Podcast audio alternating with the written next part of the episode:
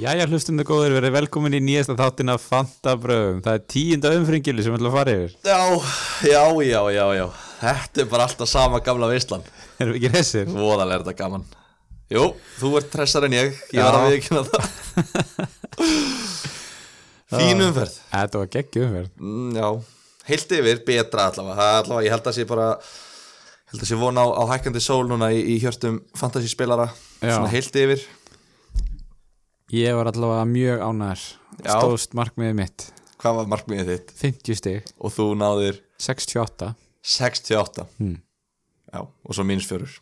Já, og svo mínus fjöru Já, það er bara mikið hefði ég viljað að, hérna, að ég hefði fengið 68 stig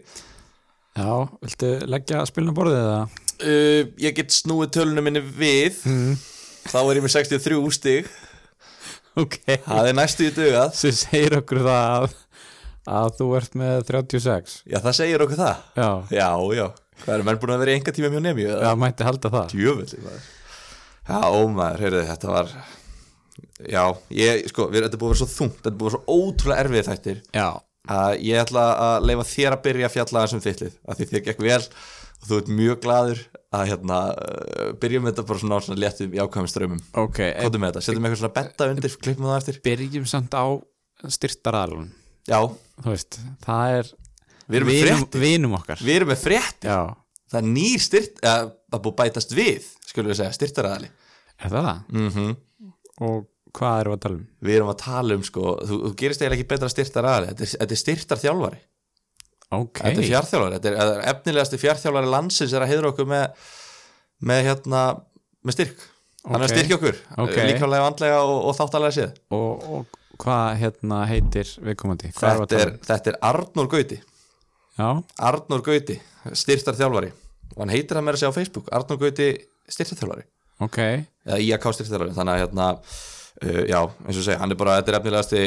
efnilegasti þjálfari landsins og hann reyndar því miður býr í Svíþjóð núna þannig að hann er, hann er bara, skulum við segja fjartþjálfari Já, og hérna, og hann bara, hann gerir bara frábæð prógrum fyrir, fyrir alla íþróttamenn og, og alla sem að já, bara vilja verða betri líkulega ok, þannig að ef maður er að hugsa um að koma sér í form og vill hafa samband við hann, hvernig á maður að finna hann? uh, finnið hann á Facebook Já, Arnur Gauti styrtaþjálfari uh, sendið á hann línu, þú veist, hann er með, hann er með unglingarlandslismenn í þessu, hann er með bara áhuga fótboltamenn, hann er með yngri flokka krakka og, og líka bara einhverja pappa og mömmur, sko, sem að vilja bara aðeins skera niður fyrir jólin, sko, sniðut heldur betur En hérna Nemja, okkar fólki Nemja hvað okkar er- fólki nefnir Já. það, þeir eru bara, halda útröður áfram þetta er máli, sko, þegar þú ert að- þegar þú ert að styrkja fantabröð, þá hérna þú, þú, þú, þú heldur því bara áfram Já, og, og nemi er náttúrulega algjörir kongar, meistarar frábærir, æðisleir það er sama það, er, Herri. við erum með svona góða styrtara, þetta er bara líka mjög sál skilur og andlegt og, og Já. allt þetta skilur þannig að þú veist, farðu í fjartþjálun hjá Arnur og Gauta taktu smá prógram, taktu smá test hann er bara með fjölar ræðingar líka og kotið svo beint í enga tíma í nemju Já. starfræði, læriðu það og bara, þú veist, þú, þú, hvað þarftu meira þá getur bara innbytt restin af lífinu þínu í að pæli í fantasy, nákvæmlega sniði og talandi um allt sem er stórkostlegt og frábært og aðeinslegt, liðið mitt það hérna, eins og við segjum fekk eh, 68 stig og svo þessi mínus fjögur, ok, ég hef þetta sleppt þessum mínus fjórum, ég tók Já. geran tyrni ég var þetta mjög ánægt þegar sá hann byrjaði já, af því að ef að- hann, hann hefði ekki byrjað það hefði fengið lóton inn með 0 já, já og hérna Arsenal kom í 2-0 til 10 mínútur bara allt að gerast, ég hugsa bara ok þetta maður gæti bara haldið hrein það er bara, það gæti actually gerst það var aldrei að fara að gera það. En þú vissir það líka, við rættum Já, þetta í síðasta þætti, já. þú sagði bara reyndum Já. bara, ég er bara, ég setti upp Barcelona kleraun, já, ég tók týrin inn og Já. þú veist, það var, það- já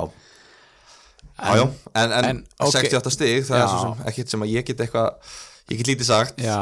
en sko sko, við þurfum að byrja á byrjunni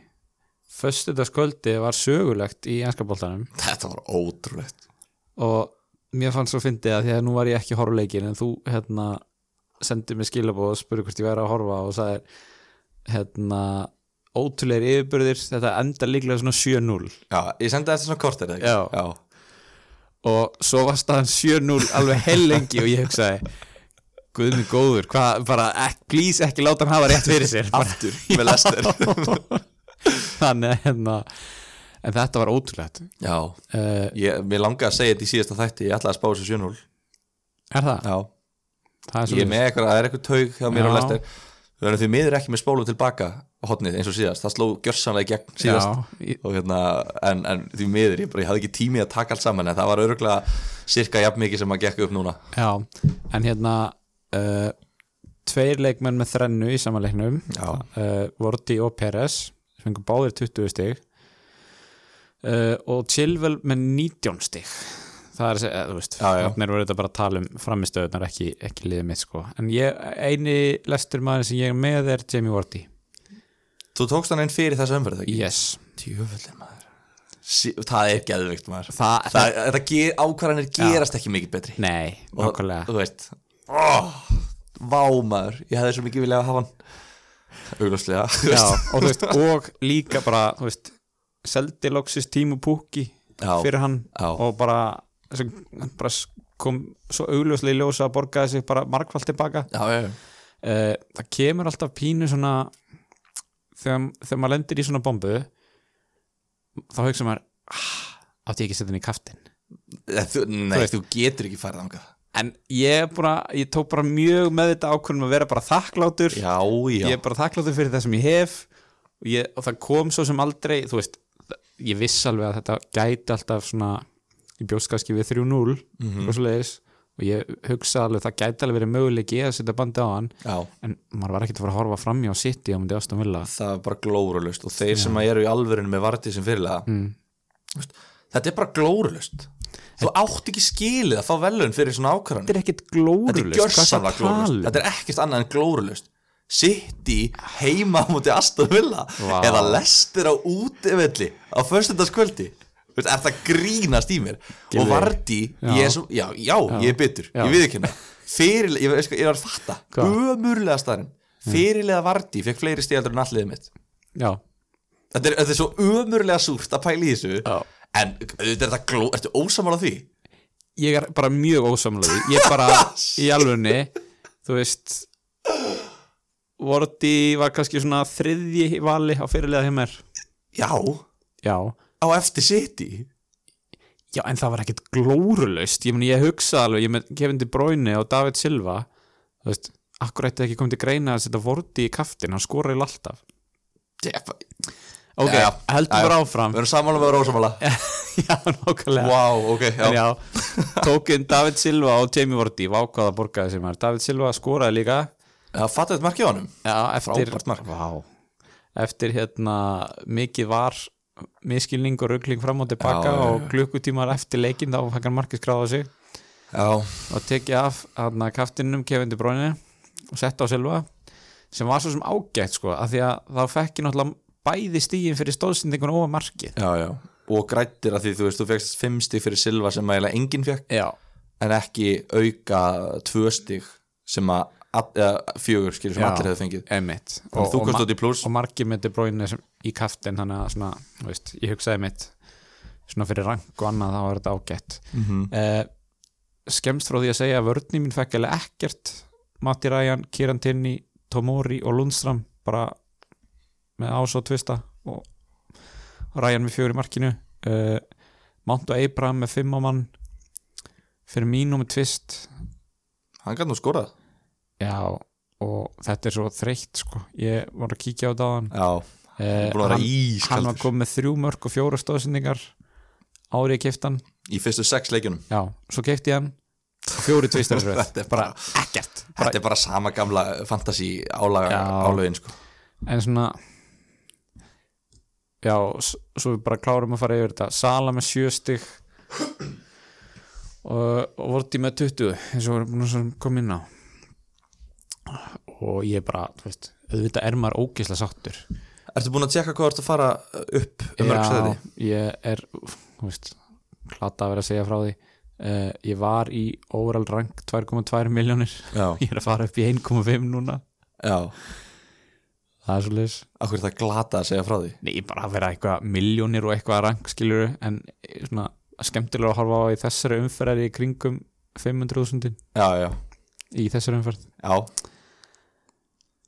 Það er en, solid en maður. það á eftir að endurreikna við sjáum hvað kemur út úr því Já, herru, leiðu mér að æla út um mér mínu vinni umferð já, bara í í mjög fljótu bræði Pope, eitt stig, Mm. Lundström minn ma- minn maður Lundström, okkur er hann ekki að fá fleiri stig tvö stig, jájá áframgag, hann er alltaf allir konum með hann já, þú veist, hann, er, hann veit af því hann veit að, það er ekki sama sko hann fekk svona hálfæri í leiknum sástæða nei, það er ekki, kom einhver fyrirgjöf og hann svona var á nærstönginu og færi, þú veist hann var einhvern veginn aldrei að fara að ná að þetta var alltaf mjög erfitt og hann sett hann í liðandi og bara, þú veist jájá Van Dijk, tvö stig já. hann er búin að hafa tvö stig í fimm leikjum af sex, síðan sex hann er ekki að skora já, hann hefði getað það en ég er með hann í liðinu, þannig að hann ákvað að setja Hmm. hann bara vissi af því setja bara í lúkunar á gassaníka uh, Óta Mendi náttúrulega uh, spilaði ekki eins og ég segi, hann er að brenna gata á liðið þitt. hann bara, er hann að brenna gat á lið hvað því það þú veist, það er bara hérna, það er bara þú verður bara að fara að koma honum út ég tók hann inn og í síðustu fjórun leikjum Já. er hann með 1-1-0 og 0 þetta er bara, hvað er hann á 5.5 eða? já, já, þetta er bara 5.5 miljonir sem eru bara þú veist, þú verður bara að setja þér eitthvað annað sko. samt ekki stærsta vandamáli í liðinu mínu, pælt Nei, í því já, af því að stærsta vandamáli mitt kemur inn á fyrir Óta Mendi hann Gylfi fekk tvö stig, hann kom inn á 30. mínútu þannig að hann fekk tvö stig fyrir að spila 60 mínútur þannig að hérna, ég er bara sáttum með það það er einu stíð framar vonum uh, Sojanku mm, Hjælt reynu já, Ég er bara, yes maður, geðveikt Mm. Já. Hjælt reynu, en svo svona eftir leikin er ég samt svona, mér líður ekkert eins og eins og ég hafi ekki stig fyrir hann af því ég er bara svona, ok, 9-0 sigur lestir og bara 20, 20, Já, 19 þú veist já, að já. Tílemann skoraði, Já, Mattisson já. skoraði, Hmm. skoraði allir og bara allir geðveikir svo Jónku fekk eitthvað svona, ég svona smá svona, hann fekk bara 6 ég Já. hefði alveg, hann hefði alveg bara skorað 2 mörg með skalla af þessum 9 eða eitthvað skilur já hérna já, sorry, ég ætla ekki að tröfla þig Nei, bara uh, klárum þetta bara Já. Mm. Mount og Abraham, sama bara fimm, fimm stegar mann uh, Mane líka Mane er svo geggjaður sko. fyrir Mhm. bara að tölum aðeins um hann eftir sko, mm. langar bara, bara þú veist, að knúsa hann eða eitthvað De Bruyne,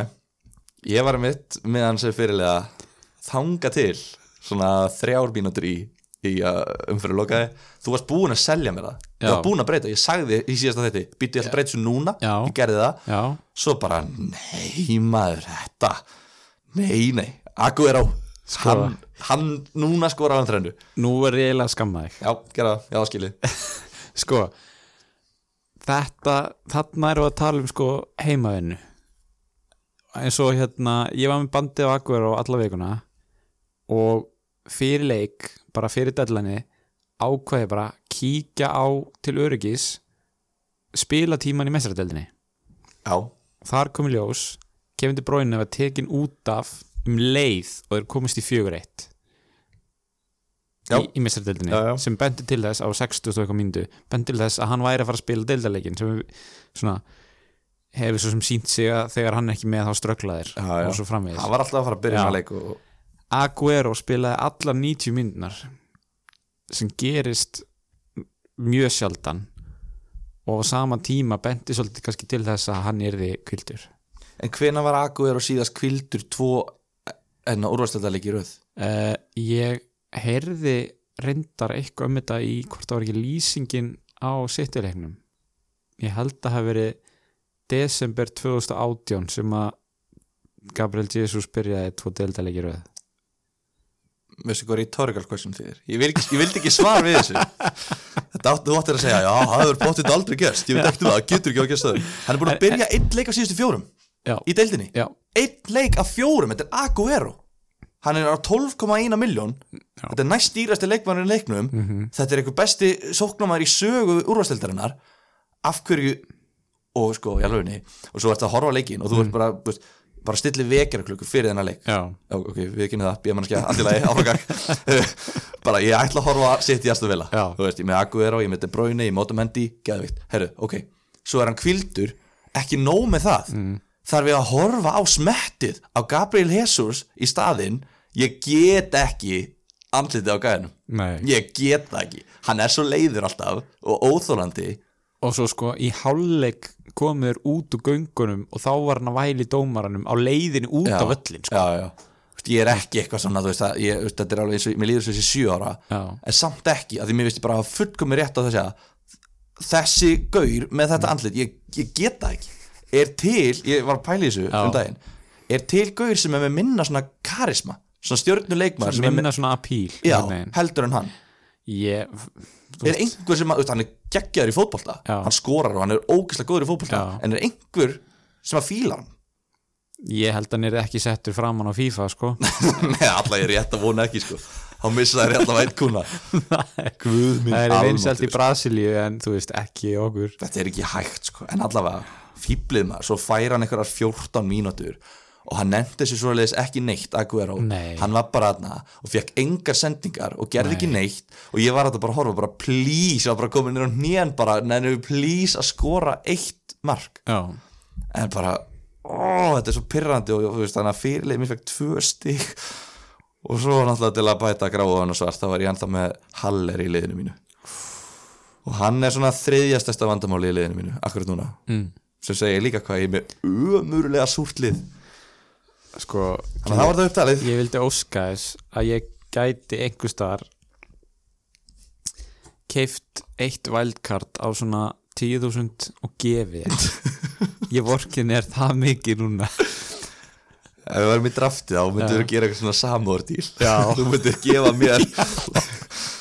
bara skipta á þú veist Störling og Gundogan eða eitthvað. já, Vardí og Haller eða eitthvað Já. þetta er ekki hægt sko. ég er bara, mér líður svo illa ég er svo, ég er svo bara óhamingisamur yfir fantasi þannig að ef, ef við bara klárum þess tvo leikja því, þú veist lesturleikin og sittileikin Já. þetta voru náttúrulega svona það, þeir kannski leikið sem skiptu mestu máli og, og svona flestu stíin kannski eh, á föstaskvöldinu kíkti ég á hérna þú veist Dream Team svona núverandi, þa- þú veist, þáverandi stigahæsta lið umferðinar já. það var bara allt lesturliðið Já. kannski segið sér já, sjálf já. Já. og svo ein, var Ryan Bertrand ekki þar m- okkar maður með mínus 6 sem nei, fékk hann var mínus sex. það er geggi tölfræð ég held, sko, nú var ég til að heyra frá bara fantasy guðunum og hérna, bara hvort þetta sé ekki met heldur Hlýtur að að vera. einhver tíman einhver hefði fengið mínus 6 á þér Mér langar svo mikið að vera með eitthvað sokk fyrir þig eftir að þú sokkaði mig með Aguero hérna rétt Já, á hann, já. en ég get það ekki þetta bara Nei. getur ekki verið annað með ég allavega, hrikalegt sko já, ég hugsa það Já, en og allavega þetta var fyrir alltaf þá sem ekki vita, þá náttúrulega fekk hann rautspjald Já, og fær svo náttúrulega skráða á sig öll mörkin sem þeir fá á sig eftir það þau held áfram að tella þegar það farið vitt já. þannig að hérna, þetta var alveg hrikalegt uh, já, sá eini sem að fekk ekki sem sagt, stig fyrir annað en spilatíma í lestarliðinu í þessum leik Já, var Wilfried Ndidi af þeir sem byrjuðu þar að segja hann fekk þrjú stig allir aðrir voru með clean sheet eða attacking returns já, já, já, skil Það er bara geðvikt já. og þeir sem að hérna, er ekki búin að breyta liðinu sínu frá byrjun og eru búin að vera með Peres Já, Þeir fengur loksis eitthvað fyrir sinn snúð já, já, það er gott sko Hann er líka búin að droppa neyri 6 miljónir Já. svona, Veit það ekki, ég... geta hann verið eitthvað ég kíkt á hann eftir þetta hann spilar aldrei 90 Nei, stundum er hann að koma inn á en oftast er hann að spila svona kannski rúma klukkutíma 77 já, eitthvað. já Hann alltaf tók hann nú, hann alltaf byrjaði hann um hann gæti ekki raska, tók hann Já. út úr liðinu hann er svona búin að vera að koma hann aftur inn í liðinu núna já, ég horfði á bekkin og ég svona byrju hvernig ætlar hann að hafa inn á í staðin þú veist hann er Mhm. með Demori Gray þú veist Mark Albreyton Já. já, Tjúdúr í hann hérna, hann er stundum að byrja já, já, já. allir þá Matisson sé ekki framar á vettunum eða eitthvað það er Peres er náttúrulega þú veist, bara basically fram eða þeir hægri kantur eru, þarna. hafa verið í einhver svona 4-1-4-1 kerfi já, já, uh, samkvæmt grafikinu sem ég sá allavega í hérna, vellinum, þættinum, þá voru þeir að stilbi 4-3-3, Já. Peris og Barnes á köntum já, já, ég var svona, svona pínum segjum að því en já, bara, þú veist ótrúlega gaman að fá þessa bombu, bara 9-0, bara ógeðslega mikið að stigum allstaðar já, já. þó þau hafa kannski ekkert endilega öll komið hjá okkar liðum en ok, eitthvað meira að segja um sittilegin Uh, já Óta Mendi hann hlýtur að byrja næsta leik Já. Fernandinho fekk þetta rauðarspjald Já. ég öskra á gleði, ég táraðist ég bara, ég var bara, yes ég þurfti svo mikið á þess að halda Ertu komin þangað? hver ég, ég sko, ok Otamendi er alveg það óendanlega lélugur miðverður, Já. hann er ekkert eðlilega lélugur og, þú veist, hérna Gardiola er, þú veist, ég held að hann Gardiola vitið alveg, ég held að hann hafa bara einhvern veginn ekki f- geta sett hann á bekkin já, núna er það bara herrið, ok, hann er það lélur ég ætla bara að nota tvo miðjumenn í hafsend frekar en nú er Rodri meittur, Fernandinho fekk náttúrulega, þetta er eitt heimskulast við vorum að tala um heimskulast rauðspjall hérna síðast þetta toppaði það heila, 3-0-8-7 mínútu, Mhm. Já. þú veist slakaði aðeins á, sko. ok hann, hann er ekki með neitt heila núna nema Stones og Otamendi, já, þeir tveir eins ömurleir og þeir eru, Mm. hljóta að byrja á móti sáþóndun í næsta leik við erum líka að tala um lið sem var að tapa 9-0 Já Mæta brjólaði til leiks Já, já, flottir að gefa mútið sitt í útvöldi sko Já. Gleimi pælingunni einmitt þegar ég sko sitt í útivelli næstu tveim leikjum það er að segja í deildabekarnum og Já, ok deildinni þannig að þegar maður sá það strax eftir lesturleikin þá, þú veist, þá var ekki annað hægt að fara að fara að læja sko. Nei, nei Og bara Ederson, hann er í einhverju beast mode núna já, Hann er bara Vá, hann er að verja vel hann fekk hvað, tvö bónus uh, Já, var var það ekki um, Hvað var það Sama mörg daginn. skot líka bara Eittur svona með tvö bónus Já, hann varði fimm skot vörslu, Já. sko. Var- bara öllu vörslu bara Já, uppbúta tíma já, til að já. bjarga klínsíti Líka mútið Krista Palas, þú veist, þetta eru, svona, þetta eru góðar markvæsli Já. Þetta er ekki eitthvað svona prumpu skot Nei, sem nei. er svona, ok, þú veist, sitt ég að fá á sér dauðafæri já, sem er neikvætt en þú veist, Ederson er samt bara að geta þetta sem er ágætt að ég er svona ok, þú veist, ég, ég er ennþá með Otamendi Já. þú veist, og ég, bara, ég trú ekki öðru en að spili en ég er líka ennþá með Aguero ég trú ekki öðru en að Aguero spili næsta leik, heimalegur á mótið Southampton já, Þú veist, ég held honum að því að þeir spila að því að hann spilar heimaleikina já, já, já og ég er bara svona, þú veist, hann hlýtur að spila næsta leik sjáum hvað gerist í deildabekunum Já, og svo líka eftir það að þú veist eftir Southampton þá er það rútileika mútið Liverpool Mhm. þannig að þú veist ég veit það ekki, ef Akur byrjar eitt leika fimm í úrastöldinni Hmm. ég veit ekki hvað sko þannig að ég, þú veist, ég er ógeðslega efins með þetta en en ég nenni ekki að tala um þetta sitt í lið lengur Nei Ég hérna, mér datt helst í hug með Fernandinho að þetta hefði verið, þetta hafi verið svona næstu svona intentional guldspjald, skilur hann hefði, ef hann hefði verið komið upp safnað Já, að fjögur gul já, já, og ekki, að því þeir eru að lifubúl hann þar og eftir eins og þú segir að hann hefði ekki viljað lendi í því að fá síðan guld í sáðhandurleiknum Já, og vera af því þá hann- í banni í að lifubúleiknum því hann hefði hvort sem er örgulega verið kvildur ef hann væri, ef hann mætti ekki fá guldspjald í þeim leik sko já, já, já. en við sjáum hérna að það er alls ekki þannig hann var komið með eitt guld á leiktíðinni fyrir hérna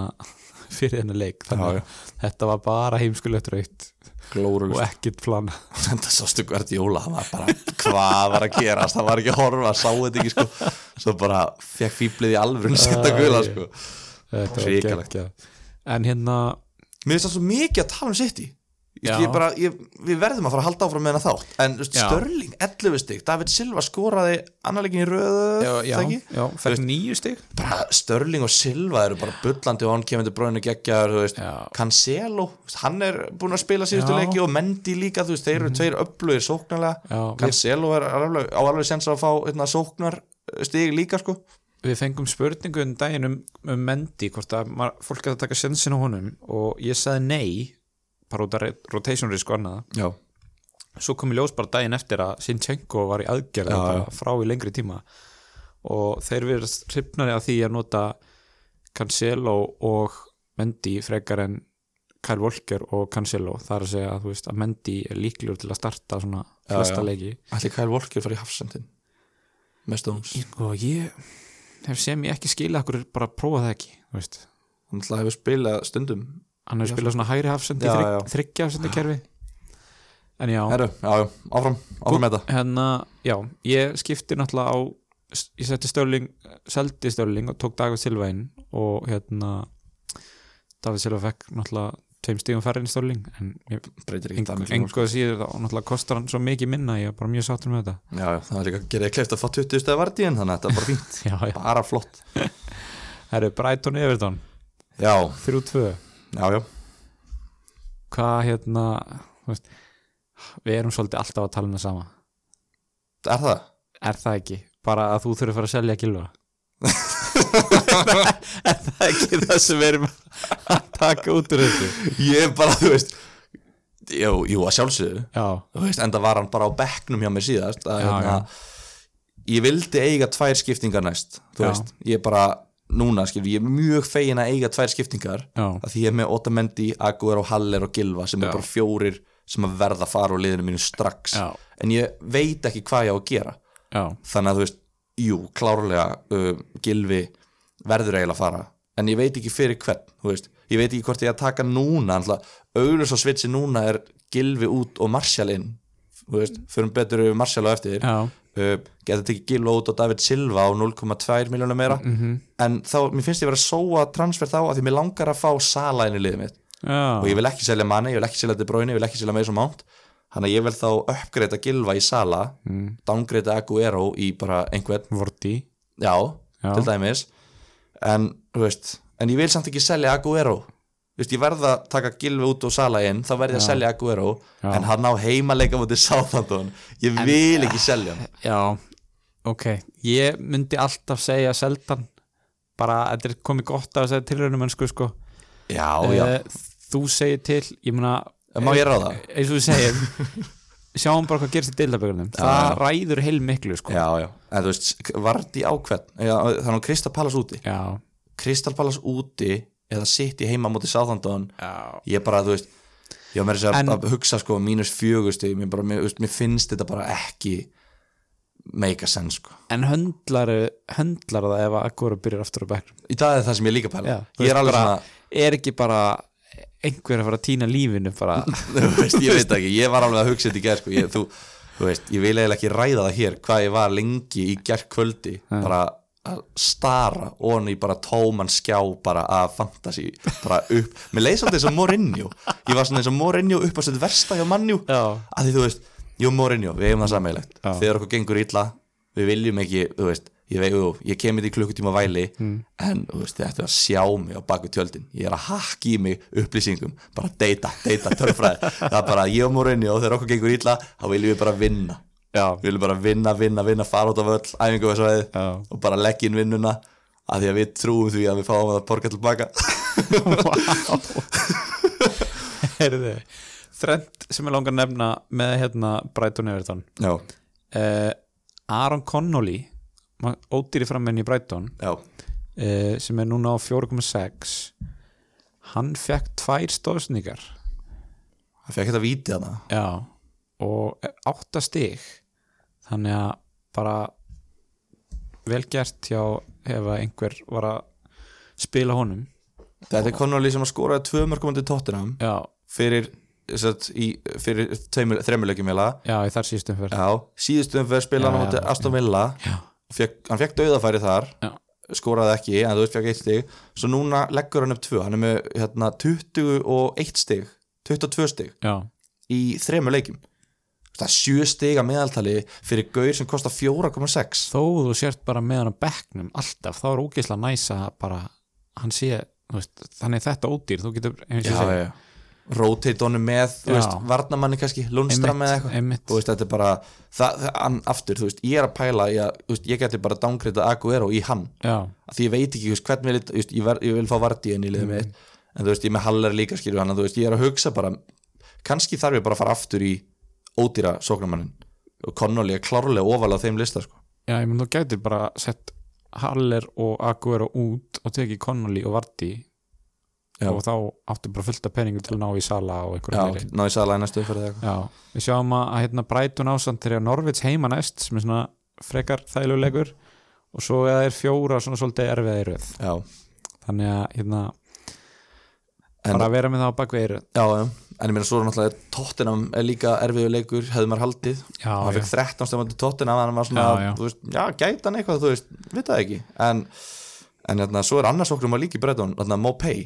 Já, það er einn af þessum þreim búndum sem ég ætla að koma með Já, bara gott- gott með þitt teik fyrst mitt teik Já, hann kostar 6 miljónir já, hann tekur vítin uh, það er eiginlega engin samkefni að þarna Murray, gamli refurinn, hann er alveg bara hann er bara dáinn uh, og bara, hann er með fjögur mörk í tíuleikjum, já, hann er með 40 stig í tíuleikjum, hann er með fjögur stig að meðaltali allt tímabilið og þá er ég að telja með fyrstu tvoleikina þar sem hann byrjaði út af, já, þannig að þú veist, þetta bara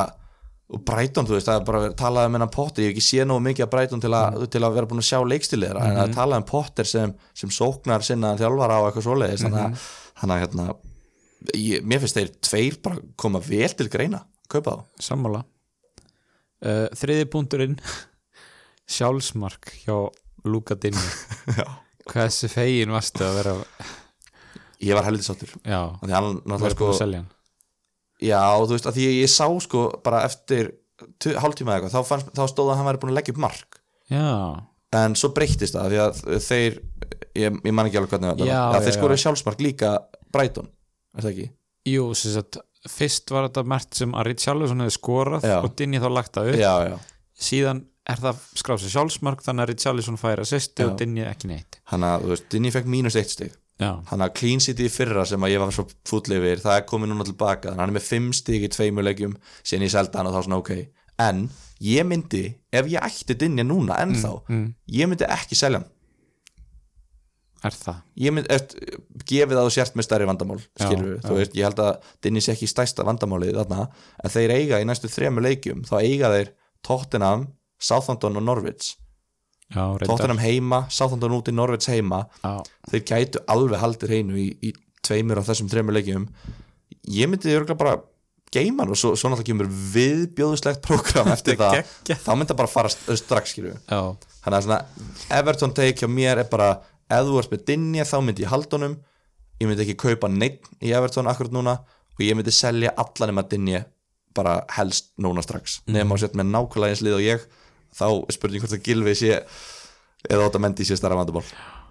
herru uh, Watford Bournemouth 0-0 það er annar 0-0 játtifli á Bournemouth í röð eitthvað sem að við heldum við myndum aldrei sjá já, mér finnst það eiginlega bara svona ég hef gaman að því, já, ég samlist þeim ég, ég hef líka bara gaman að því að því þú veist maður er ekki með neitt í þessum liðum og, og flestir eru svona kannski stóla á Callum Wilson og Josh King og eitthvað svona Já. að reyna að peka einhver stegi minni liðunum svo er náttúrulega Ríko að ná 4,2 já, það er bara, orðið bara helviti fínt valjú held ég, já, ég held Er það að líka ekki? ég held að líka hann er sóknar sinnaður bakverður já, 4,2 miljónir og þau minna, þeir eru búin að fá þessi eitt mark í sýstu þrejum leikjum eða ekki það getur passað þannig að ég, ég er alveg til í hann já, prógram Og- ekkert sérstakt kannski jú, jú, en ég meina, ert ekki þetta er 4.2, þú er ekkert mál að hafa hann að bekknum þá já, ég minna, þú veist, Kel, Kelly er hann orðin heill, þú veist, hann var á bekknum á hann já, þú veist, er hann að fara að veist, hann er alltaf að spila, spila alla leikin í byrjun er hann að fara að spila þú veist, getur maður tekið Kelly út fyrir Ríko veit það ekki, en, en Ríko er eitthvað sem að ég var, ég var alveg til í að hafa Ríko í liðinu mín, sko, já Vestham 1, Sheffield United 1 Lundström, okkar maður okkar, okkar maður hann er, vá, hann er eh, kóngun í ár, eða ekki Jú, jú, jú, hann er bara, hann er búin að sigra vinna, vinna sinni hjörtu, allra landsmanna mér finnst þetta svo gaman að því ég man í, í, á síðast tímli þá var, þá var það Aron Van Bissaka sem einhvern veginn var ótrúlega mikið talað um fyrirmót, Já. fjara miljonum varnamaður sem var að fara að starta og ég, maður held einhvern veginn að það yrði engin svona í ár Já, hann en hann er bara að standa fyrir sínu S- er bara sem, betri já, hann, hann er bara, í- Van Bissaka var ekki í hópi stiga hæstu varnmannana, nei, hann var bara svona flottur, skilur, Já. bara behave, þess var að haga sig eins og 5 5,5 miljón grunna varnmann Mhm. mm -hmm. en þú veist, Lundström, hann er bara, hann er bara top 5 eða ekki, jú, ég ég er ekki held alveg að með hann- það en, en hann, er, hann er flottur og bara Sheffield vörnin er bara þú veist, við höfum talað, um- við höfum dást, dástæðsari vörn alveg helling, sko þannig að ég, ég geti haldið áfram í allan dag en ég held að sé bara leðalegt hérna, að hlusta á það alltaf Leiðilegt sama, hlaðvarp, sama sko. já, hérna, kl- fengi á sig klaufalegt mark bara úr, úr hérna, lang, eftir langa markspinnu frá Vestam held ég Já, og svona voru bara ekki í seipi en sem segir okkur það að- hvað er það að segja uh, var Jarmur Lenko hann er með assistið já, Já, hann lagði upp mark já. Fekk átta stig Já, hann fekk þrjú bónustegi þetta er nú minnst þetta er nú vel í lagt Þú, þetta er bara, þetta er bara tölfræði En ég meina, hann er, hann er að sk- poppa upp með, hérna, með stík hér og þar já, hann er að dúkka upp en ég, er svona, ég verð að segja fyrir mig ég er meira hrifin af öðrum möguleikum á samaverði 6 miljónir, já, hvaða mögulegum Daniel James til dæmis Já, ég var að pæla í honum eftir leikin á hann já, uh, og Hudson Dói já ræðum þá eftir bara og hérna og fleira sko ok, hoppum bara beint þá í, í télsileikin er það ekki það er ekkert meira eftir í, í vestam Nei, nei, nei. held ekki sko Uh, Chelsea fjögur bönnlega tvö Það var fyndi leikur þetta var rosalega skrítin leik Já, uh, og bara allt öðru sinni bjóst við maður var að búast við bara svona lítið að mörgum, já, Þú veist, þetta er börnli á törfmór já, já, ég var bara til, til í Já. hennan 1-0 sigur það sem að Chris Wood var með sigurmark og Pope hjá hreinu Já, Liverpool var eina liði fram að þessu sem var búið að skora sérst, eina útiliði sem var búið að skora á törfmór í já, vetur ok, það er geðvikt árun að Chelsea og Captain America mæta og já, já, já, hann Púlis nýtti sjansinn maður Púlisitt fekk hérna sæti í byrjunleginu á kostna Hudson og Dói já, og setu þrennu já, og ég meina fannst þér það ekki svona, þú veist, við, við rættum hann, við vorum mjög hrypnir á hann mm. en var þetta ekki svona staðfestinga á því bara svona já þ- við, við getum ekki þú veist, þetta er svo erfitt rotation Jú, einmitt, það er það sem ég ætlaði að segja að Mount og Abraham verðast vera þeir einu sem er kannski svona frekar rotation proof já, hing, hinga til allavega Er það ekki? Já, hinga til og svo er spurning hvað fer að gerast núna þegar Hudson og Dói er heill já, og Púlisik er að koma að fullum kraftin liði Vist. þeir eru bara, sko, Lampard er bara að gera geðvika hluti með þetta lið Já. þetta er bara, þeir eru, þeir eru svo skemmtilegir þetta er svo bara, Ótrúlega þetta og er ógislega skemmtilegt lið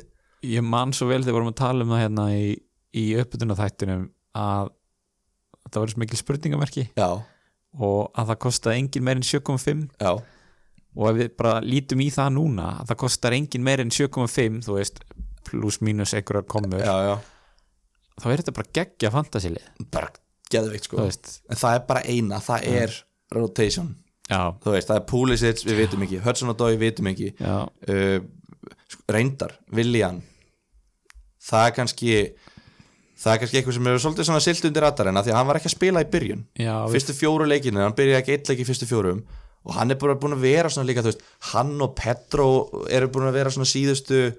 tímabil finnst mér bara svona eru þarna, þetta já, er bara fínir leikmenn í fínu liði, bara fínir fantasy leikmenn en þetta er ekki það sem þú ert að leita þú veist, þú vilt fá valjú Já. og þeir eru bara þarna á raunverði fyrst mér Eh. en síðan vilja hann er búin að koma inn í byrjunarliði hann er bara búin að vera flottur við sjáum hann með tvö mörg og tvær stóðsningar þar af allt í síðustu fjórum leikjum Já, uh, við fengum um skil 33 stig í síðustu fjóru leikjum þetta er að meðaltali 8 stig yfir 8 stig í leik Já. síðustu fjóru leiki á, hvað er hann á, 7 miljonar er þetta ekki Jú, Vistu, það eru fáið sem eigan 2% sem eigan fengum við skilabóð frá hlustanda hvort að, að- um að við værum búin að tala of lítið um viljan sem ég get alveg tekið undir Já, já, uh, að því einmitt hann, ég meina fram að síðustu fjóru leikin þá var hann bara ekki að gera neitt Nei, nákvæmlega, þú veist, við, við erum ekkert að tala lítið um hann fyrir þennan leika, því að hann er búin að spila fyrir þennan leika, er hann búin að spila nýju leiki og hann er búin að leggja upp eitt mark og skora eitt mark Já, og það er bara svona, þú ætlar ekki að kaupa þennan gæðu 7 miljonir, Nei, einmitt. en eftir þennan leik þá er maður svona að býta ok, þá erum við komin í fjóra leiki 33 stig og Já. þú veist það þú veist, tölfræði er samt alveg hættuleg þú veist, þetta er bara hvað þú velur þér að horfa á Einmitt. en samt, þú veist við hljótum að horfa á síðustu fjóra leiki já Chelsea á geggja prógram já, til lengri tíma og hérna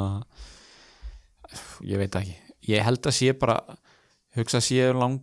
flestir með Mount og Abraham eða Annakotn eða hvað sem er uh, og ég síðan myndi alltaf bara svona út frá spilamösku og annað taka Hudson og Dói eða núna Púlisik frekar en Viljan en myndir þú taka Hudson og Dói og Pulisic, þú veist, er þér þ- sama um sko, sko, rotationið Nei, ég, ég er að segja ég myndi frekar taka þá þú veist, Heldur en viljann? en viljan En ég myndi ekkit endilega stökku á þá bara upp á okay. rotation og annað sko. en þú myndir, þú veist, já við höfum svona talað um að Tami og Mason Mount er um hlaðal, ég held að ég myndi frekar taka að viljan Já, heldur en, heldur en Hudson og Dói og, og, og Pulisic já, En þú veist, Pulisic er náttúrulega bara búin að vera fá rosalega lítið að tækifærum og hann er búin að nýta tækifæri sín vel á tímubilinu já. en hann hefur fengið lítið að spila og þú veist, Frank var eitthvað að tala um eitthvað já, hérna, okkur, okkur kallar hann Frank alltaf, hann var eitthvað að tala um hérna, Góðvinur þinn frá já, fé- félagið minn Frank hann hérna var að tala um bara þú veist að auðvitað, þú veist, ég verð að koma nú rétt inn í þetta og eitthvað svona, ég, þú veist, get ég hendur inn og eitthvað svona, Mm. þannig að þú veist, segir það ég veit ekki hvað hann meina með því en, en hérna, þú veist, ef að Púlis þú veist, hann byrja næsta leik, klárt eftir þrennu, Já. hann lítur að vera og svo kannski, þú veist, ég veit það ekki mér finnst þetta ennþá svona, þú veist, allt í nú hann komin inn í þetta, þú veist, mér- við þurftum ekkert á honum að halda í umræðuna Nei. um Chelsea, þú veist, það, við vorum alveg nógu mikið, Já, já, eitthvað, já. "Mm, er Hodgson að dæfa, þú já, veist, já. Nú er þetta orðið svona, þetta er orðið ennþá erfiðara Einmitt, Þeir eru að búa til rosalega jákvæðan hausverk fyrir Lampard Já, já Þú veist, Allir að delivera já. en sko, ég var að horfa á hann leik já, uh, og svo þurfti ég að fara að gera eitthvað annað þegar voru svona 8-9 myndir eftir já, og ég var bara á 4-0, ok, fínt bara, eh, með Tomori í liðinu já svo, svo hérna kíkja ég aftur setna á fantasilegið mitt og þá er ég bara, ha, bara vantar hérna einhver 5 eða 6 stig Já, okkur með mínus já, bara hvað gerðist svo sé ég þessi leikur fyrir fjögur tvö já, já. Ég kláraði leikin, ég gaf börnlega tröstið og þeir, þeir skiluðu, þeir gáðu mér hérna, gáðu mér tvö falli mörg geggjum mark hana hjá Já, mjög flott En sko, Jay Rodriguez. veistu hvað hérna áallu mörk í þessum leik var? hvað? Börnlega 2,25 Chelsea 0,87 já, eftir, eftir færin sem það fengi Þín uppáhalds tölfræði já, ég meina, ég, þú veist, eins og í fyrrháleik brönnleg var eh, nánast að vaði í færum þú veist, það var bara langt yngast og hotn og skallið á fjárstöng og bara Sko, það, ég, ég, ég hef aldrei Mm. hugsað um leik í ennsku úrvarsleitinni Mm. um einhvern leikmann hann hlýtur bara að vera fullur inn á vellinum en þegar ég sá Asli Barnes klúðra sjöunda dauðafærinu sínu þinn mann minn maður, þú veist að, svona minn aðalmaður Chris Hann- Wood, hann var já. Mm. meittur en Asli Barnes, þú veist þi, þi, þeir sem að horfa á leikinn, það sá allir hvað hann gætt Já. það sá allir hvað ég sé í honum hann hefur örgulega haldið að hann væri í liðinu þínu já, hann hefur haldið það, já. þess vegna vildi hann ekki skora hann hefur heyrt vitlist íslenskan hans er ekki upp á, upp á besta hjá, Nei. hjá hérna, austuríkismannunum en hérna já, þú veist þetta var að vorsalegt já. hann var ekkert eðlilega lélugur að nýta færin en hann kom sér í færin herru, Newcastle Wolves 1-1 nennum við eitthvað að tala um það uh, kannski leðilegt fyrir þá sem eiga hímennis að hann skoraði ekki já, hann var nú alveg hérna hefði alveg getað fengið stóðsendingu í þessum leik já, fekk ekki eitthvað mörg færi en sko, ég ætla að segja þér hversu lágt, lágt ég hérna fór í gær ég ætla bara að segja hvað ég var bara já. ég var, sko, ég var bara í allt gerkvöld uh. eða, já, gerkvöld Já. bara ógeðslega lítill í mér bara hvað á ég að gera við þetta lið þú veist, þetta er bara ömulegt og ég bara, þú veist, ég ég er ekki, mér finnst ég ekki svona lélega sko. ég er bara sama, ég var líka með sama með morinu mér finnst ég vera the special one en ég bara, ég á þetta ekki skilið þú veist, hvað er ég að gera rám já. og ég var lag- komin í þær pælingar að ég var að pæla í að taka inn mm. uh, annarkvort Jethro Williams Mm. á 4,5 miljónir já. eða Matt Longstaff á 4,5 er hann miðmaður eða? Já. ok, eða Saint Maximin á 5,4 sem er ekkert eðlilega hraður og Já. svona E tekkers leikmaður já, en svona enda produktið hjá honum er náttúrulega bara svipað af að ég væri að á vellinum já, en sko, þú veist tjekka það á prógraminu, opnaði prógraminu á njúkastók já það er endar fárlega gott sko. við verðum eiginlega að nefna, þú veist, það er alveg bara bilað, það er mjög gott það er ógislega næs en þetta er náttúrulega umrætt lið þeir skora rosalega lítið af mörgum en þeir eru ekki að fá mikið á sig Nei. það gæti laðist inn eitt og eitt hérna, clean sheet þannig að ég held að, einmitt, Jethro Willems ég hef heyrt það áður og mér líst bara vel á það ég ætla ekki ég að, meina, hann tekur hotnin ég ætla ekki að ok, hann er alveg hérna, ok. okay. öðrum einn, hann er náttúrulega örfættur já, og bara hann, þú veist, hann átti eitthvað skotatna inn í, inn í teig og bara þú veist, hann kemur alveg með í sóknuna og náttúrulega búin að búa til eitt mark og skora eitt held ég í, á tíumbölinu einmitt ef það er eitthvað af okkar hlustendum að pæli í honum þá ætla ég ekki að mótmála því ok, ég, mér leið bara eins og ég væri bara ég var bara, heyrðu gilið, þetta er og, og þú ert að skoða leikminni í Newcastle þú Já. veist, þú ert alveg búin að missa það en sko ég er alveg, þú veist, ef það er eitthvað nútið sem er að eiga erfið tímabæl Hmm. þú veist, finni okkur á Instagram og Facebook sendi okkur skilaboð þú veist, se- bara hérna ég, sk- ég skal alveg koma með ykkur í þessa veislu Já. að taka Willemsinn við getum farið nokkri sem erum hérna á, í algjörum lágpunti, Já. getum farið saman í þetta og hérna tekið stöðuna síðan Herru uh, Arsenal 2, Krista Palace 2 nú er ég spenntur já sko, Hvað segir þú um þetta? Arsenal, Aron, ég segi mjög fínt ég var að horfa á þetta á saman tíma á liðbúrleikin þú í einu tvo í einu, gamla góða Naður maður uh, hérna Arsenal komst í 2-0 á fyrstu tímyndunum mm -hmm. tveimur mörgum eftir hotspinnur þar sem báðir miðverðinni skoruði uh, Peppe tók hotnin en þar sem að boltan var flikka áfram í, í báðum tilökum að þá fekk hann ekki í stóðsengarnar Nei, það var Lacazette og Saka er það ekki? uh, Jú, Eh, Granit Xhaka uh, Arsenal getur ekkert Þe- það er bara þú veist ég nenni ekki að leggjast í einhvern hérna. reyðilest Jú, jú Þetta er sko alltaf mikið ég að tuða Nú vil ég bara, ég vil að þú tuðir yfir þig Hvað er bara með það? ég, mér finnst þú aldrei gaman að því að hérna, ég var að segja hérna í síðasta þætti að ég væri eins og Arsenal það er alveg sama hversu mikil fórust hann er ég get alltaf tapað henni niður sko. Já, já það var bara þú veist, nákvæmlega eiginlega það sem ég það sem gerðist í þessu leik og það sem kom mér ekkert á óvart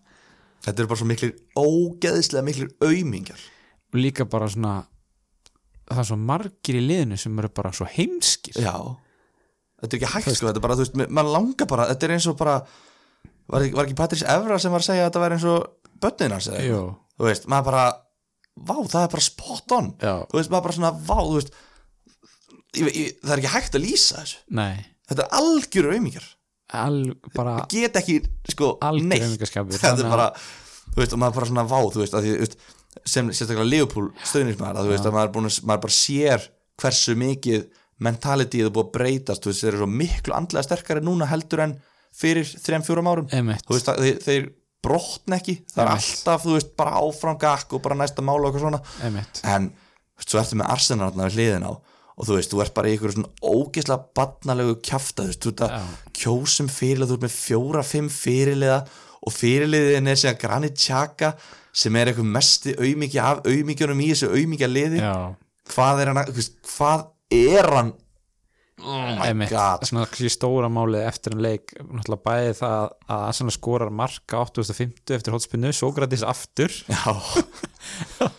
og hérna og Arsenal sko heimtaði eða svona gerði tilkall til vítaspinnu í aðdragandar já, og hérna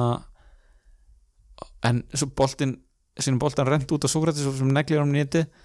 og svo er markið sko var og það er dæmt af já og það skilur enginn fyrir hvað það var dæmt af en svona, þú veist aftur bara, ég er ekkert eitthvað svakalega brjólar yfir því, að svona látti svo sem ekkert skilja sigur í þessum leik og hérna nei, nei. en sko ég er samt sko, ég verði eiginlega að taka bara, þú veist, því náttúrulega er þú veist, en, sorry, já, stóra málið úr þessum leik er það að Granit Xhaka fyrirliðanum var skipt af velli eftir klukkutíma og hann rölti löturhægt út af í stöðinu 2-2 áhörður byrjaði að baula á hann og hann sagði þeim að fokka sér ú, þú sagði þetta bara Já, ég droppaði henni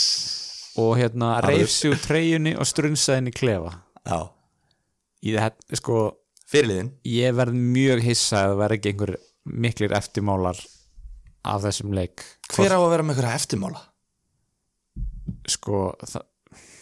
Ég veit þetta er allt ekki auðmíkjar það er enginn Já. að fara heldur að ösil sé eitthvað sala þetta var nú ekki nógu gott hjá þér." Þú veist, Sjaka, já já, hver heldur að sé að fara að gera það sko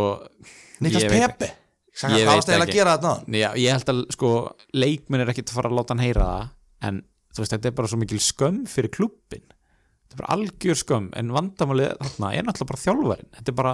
gjörsanlega hauslis hér Það er ekkert upplegg í sóknarleiknum Og að, þetta er nú fantasy þáttur já, Þá kannski bara reynum við að slaufa þessu Með því að segja bara ekki kaupa Arsenalmenn nei, nei ég, ég er mjög ánað með hérna þetta Obameyan dæmi Já. því við töluðum um hérna hvað, nú eru komin að þrjárfjörur umfyrir síðan já. við vorum bara, wow, þetta prógram sem Arsenal er að fara í, Mhm. því líka veistlan og ég er ógeðslega ógislánar af að teki þá afstöðu bara já, ég ætla að leif honum að skora allavega eitt mark til að sjá sína mér Einmitt. að hann sé bara að fara að gera einhvern alvarlegan skada í þessum umfyrum Emmett ég er ennþá að býða eftir þessu marki hann er ekki eins og bara að leggja upp hann er með Nei. blanks, hann er búin að blanka núna þrjáleiki röður Já, þar á undan var hann búin að performa í öllum leikunum Emmett þú veist, þetta er bara og að þinni sög, við vorum að tala um þetta eins og þeir ekkert en að, að, að hann var bara ömurlegur í þessum leik Já, hann, eða sett lagasett var komin upp á topp og, og bá meðan kantinn þeir eru báðir alveg tindir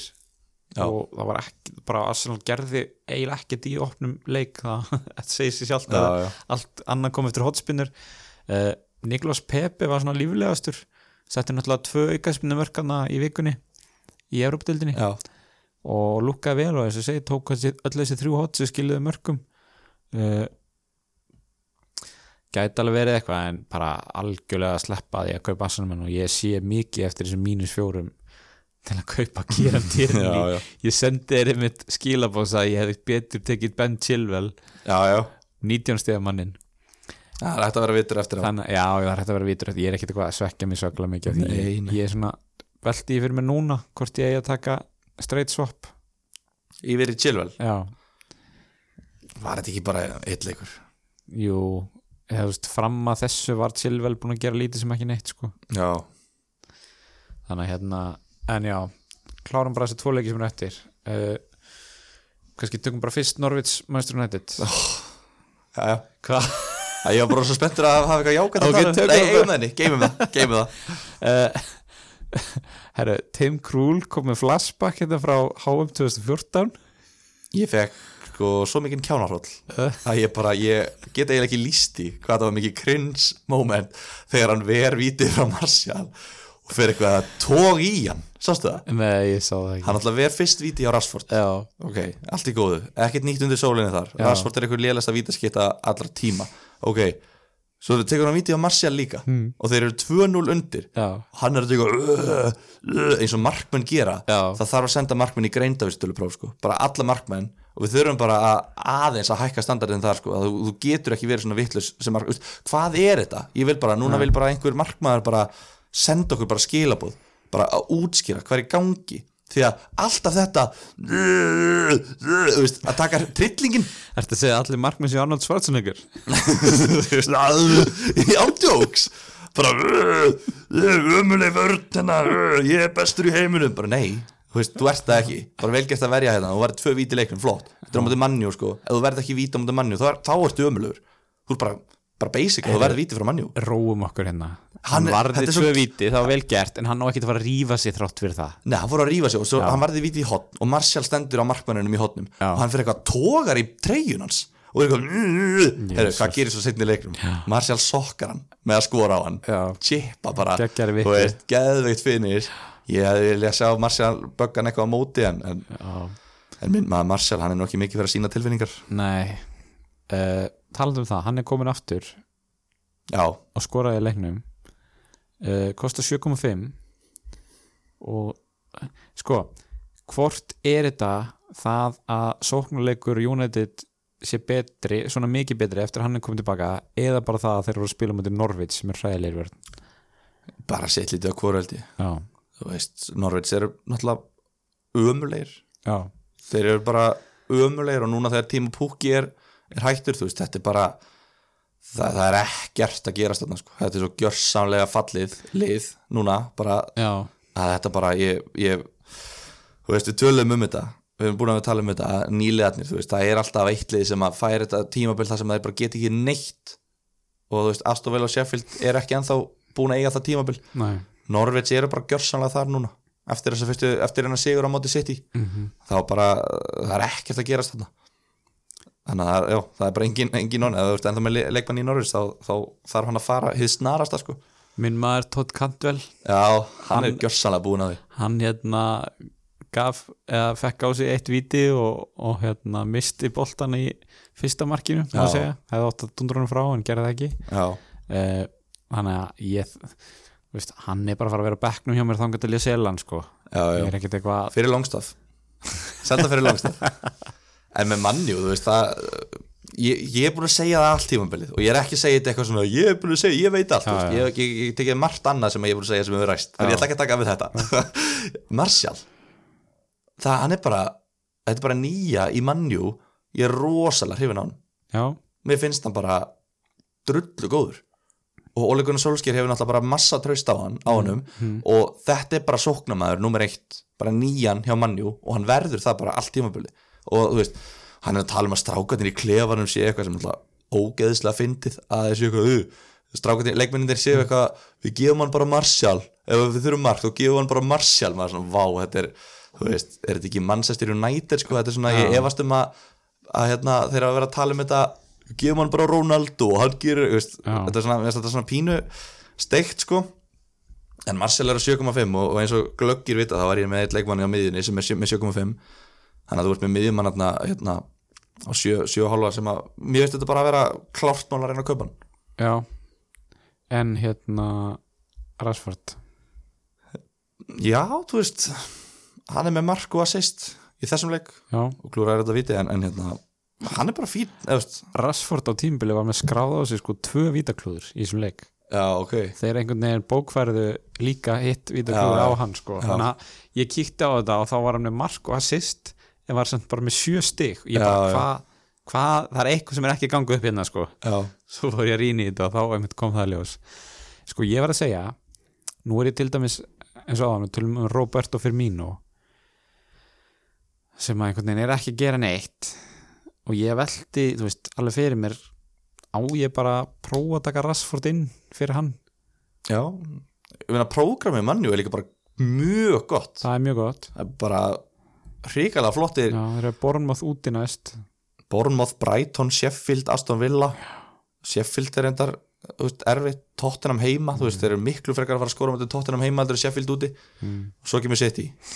svo koma aðrir fjórir létti leikir Já, eða fimm með, með Arsenal og svo sex með Norwich þú veist, þetta er bara prógramið næstu tíu, tíu tól leikir eru bara mjög flottir já það er eiginlega bara City En erum við ekki að tala um það sko, ég nefndi hérna Daniel James á hann já, er það ekki þessi þrýr í þessu liði sem þú myndir svona horfa til jú, jú, þú veist, fra, framlínan Já, er ertu að pæla í vörnamönnum eða eitthvað svoleiðis? nei, nei, guð, nei bara glimtu þeirri pælingu það er engin, það er engin vartamann sem er að fara að koma inn, um, inn, um, inn í mitt frábæra öfluga lið sem að er í mannjú Ok, en veist, já, ég meina Rassford í vinstra megin Marcel er frammi og, og, og hérna, James á hæri kanti já, ég var sko að hita hvort að þessum leik eða þú veist, average position Þú veist, James var frekar aftalega sko, ég sá ekki leikinn skilur ég var svona fl- fletti a- inn á, inn á milli Nei, þú veist, ég myndi alltaf taka Marcel á 1,5 miljón aukala sem er bara inn í vítatekum alltaf frekar en Daniel James Já, Já. Ég, ég held það Já. En Rashford, á, hann er 8,4 eða ekki Jú, og þú veist, hann er ekki lengur vítaskipta, hann mun aldrei taka víti aftur fyrir manni á tíumbilinu, ég ætla bara að fullir það núna hann, hann mun aldrei taka aftur víti Ok. fyrir manni á þessu tíumbili svo heyrði ég líka að Pogba og Luke Shaw var að koma tilbaka og eitthvað svona, sem ættir hún kannski að styrkja þetta aðeins Já, ég, ég held að þessi mest valjú í Martial sko Já, en Rashford, þú veist, ég meina, horfum bara á stígina, þú veist, hann er hann eitthvað í topp 5-6 sóknumenn í leiknum já, hann er komið 56 stig sem er bara, það er nú bara fín já, já, það er meir en, meir en fyrir mínu Já, hann er í 1, 2, 3 Sjötta sæti. Já, og þú veist, rétt á undan honum eru uh, Aguero, Aubameyang og Pukki sem eru allir í sögulega lélögu formi sko. já, þannig að þetta er basically bara Vardí Abraham og Rashford, það er kannski bara flott lína Vardí Abraham Rashford, ég held þessi ekki ekki Er það ekki? Já, á ég að hjóli í þetta Já, já, hjólaði þetta Henda fyrir mínu Já, já, já, Ég burtum ætla hann allavega ekki að gera það fyrir Aston Villa leikin þá líka fyrir hann Hjólaði að skora fyrir mig sem búla Heru, já, en hérna ég, ég mér langar bara svona að velta þessu upp að því að emitt, eins og þú segir, frammerðanir og dýru frammerðanir í fantasy eru bara ekkert að skila að viti þannig Nei, að mér langar bara svona að varpa fram þessari pælingu hvort að Rashford gæti bara verið eitthvað svar við því algjörlega, þetta var náttúrulega þannig í fyrra þú veist, uh, hvað kallar þetta, er þetta ekki sniðmátt Já, templatið, já, já. sniðmátið, sniðmátið var náttúrulega í fyrra það var bara, þú varst ekki með luxus sóknamann af því að það bara var ekki worth it, Þú veist, það var ekki þess virðið af því, þeir- af því að þeir voru bara að performa á sama leveli og, og miðju já, verðs eh, sóknamennir uh, þeir eru komið með þú veist, að leita út í byrjun, þá var maður svona úbýtu, þetta er tímabil luxusóknamennana mm. Aguero og, ba og Bamiang bara í fyrstu 6-7 leikunum gerðu alltaf eitthvað og bara maður svona, já ok, þú veist, sniðum að þetta er að breytast en mér finnst svona núna, jú, við erum að komin, komnir út í það að þú, þetta er ekki þeir eru ekki að gefa þér nógu mikið forskot á hina meða við verðið, fattar við -hmm. þannig að, þú veist, annað tímabil í röð núna finnst mér eiginlega ekki vort þetta að vera með luxus sókrumann, nei, það verðist bara að vera að sanna sig sko. en þú veist, samt við, þú veist, þú tala líka mikið um þetta þú veist, að, að þessi dýru leikmenn það sem þeir gefa þér er herra þak já, að, að hérna, þú getur fengið 20 stig frá uh, Aguero já, á morgun og Sala á morgun jú, jú, Varti fekk 20 stig en þú veist, það er sjálfgefara já, Þú veist, þessi miðju eru meira svona bara að skora eitt mark Rashford, alveg klassísku nýju stiga leikmaður sem er bara fínt fyrir þe- þennan penning algjörlega og þú veist, s- svo lengi sem heldastíðin er jöfn þú veist, þá þú þarft alltaf eitt lúksusmann í liðinu þínu allavega til að geta sett bandið á já, þú, veist, þú þarft Sala eða De Bruyne eða Aguero eða Störling eða þú veist, Aubameyang kannski út af þakinu emitt það er aðeins fyrir að hæðast á sig hjá okkur klárum hérna leifbúleikin já, Kottu með, nú, þú sagðist vera spenntur að ræða þetta Já, bara að því Liverpool vann, Já. mér liður bara vel Ok, Þú veist, Það ég er fekk, ekki ég, nei, ég með eitt leikmann í Liverpool og hann fekk, nei, ég með manni líka Já, já nei, bara, þú veist, bara gaman að að Liverpool vann og nú lifir mér vel í hjartanu að því að, þú veist, lendu undir bara strax og maður bara, ó, jésus mjög maður fyndum marki Já, það steikt mark og, hérna, og Son náttúrulega fær stóðsendingu fyrir að skjóti í varnamann og svo í stöngina og svo út á Kane sem að skallar hann inn sko Já, þetta er alveg bara mjög óverskuldu óverskuld að hérna, assist en svo náttúrulega klúðra hann bara döiða færi komum fram hjá markmannum ég sko veit í hvað slánaði stöngina ég, neglunum í slána þetta var bara, hann var reyndum á þetta marki þetta var bara, wow maður það getur komist í 2-0 svaðalegt, þarna var meistara heppnin með Liverpool, Já, þeir eru hann- náttúrulega búnir að vinna titilin mástu þetta algjörlega er bara búið en þú veist, ég held uh, að Orger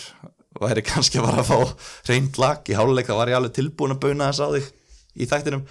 en svo náttúrulega hann þegar hann, sá í hvað rétt andli hann sá í hvað stemdi þannig að hann sagði, nei, nei, ég sé til þess að við, við fáum engin Neldi niður manni henni í tegnum bara, þú veist, hann lítur að vera markmaður í yngri flokkum þú veist, það er bara ég trú ekki öðru Þú ert að gera þið þátt okkur um áfellistómi á markmann já, það þarf að senda Orger, bara því miður það þarf að senda hann í eitthvað próf líka, sko Já, ekkert hann, eðlilega vitlega sleikmaður sko. hann er nú heimskari en þeir flest heldur. þetta er ekki hægt Já, herru, Gassa, þinn maður já, hann var með 12 markvislur hann, var, hann gerði Hvað svo sannlega sitt þegar hann átta stig hann fekk, full, hann fekk þrjú bónustig þrátt fyrir að fá á sig tvö mörg 2-1 tap og hann fær átta stig þetta er svaðalegt maður og ef hann, sko, ef hann var ekki dáður og elskaðar af stuðnismennum tóttina, þá er hann það núna nákvæmlega Bara flottur ég var eitthvað hérna að segja við þig ma- varum við ekki að tala um gassa fyrir í síðasta leik þannig síðasta þætti, ég var það ekki ég var bara "Þú aldrei að vera að kaupa hann, rrr, eitthvað. en þú veist, jú, jú það er ekki mörglið sem er að fara að ná að eiga 14 skot á markið á mótið tóttina sko. Nei, þannig að þetta er kannski svona þú veist, þetta er svona kannski fegur en við að mæta stóru lið að þú fær vörslur já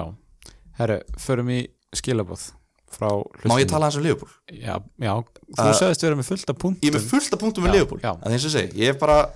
fór bara út á æfingarsvæðið og fór bara að vinna yes, ok, ég ætla að taka þetta tvo leikmenn já,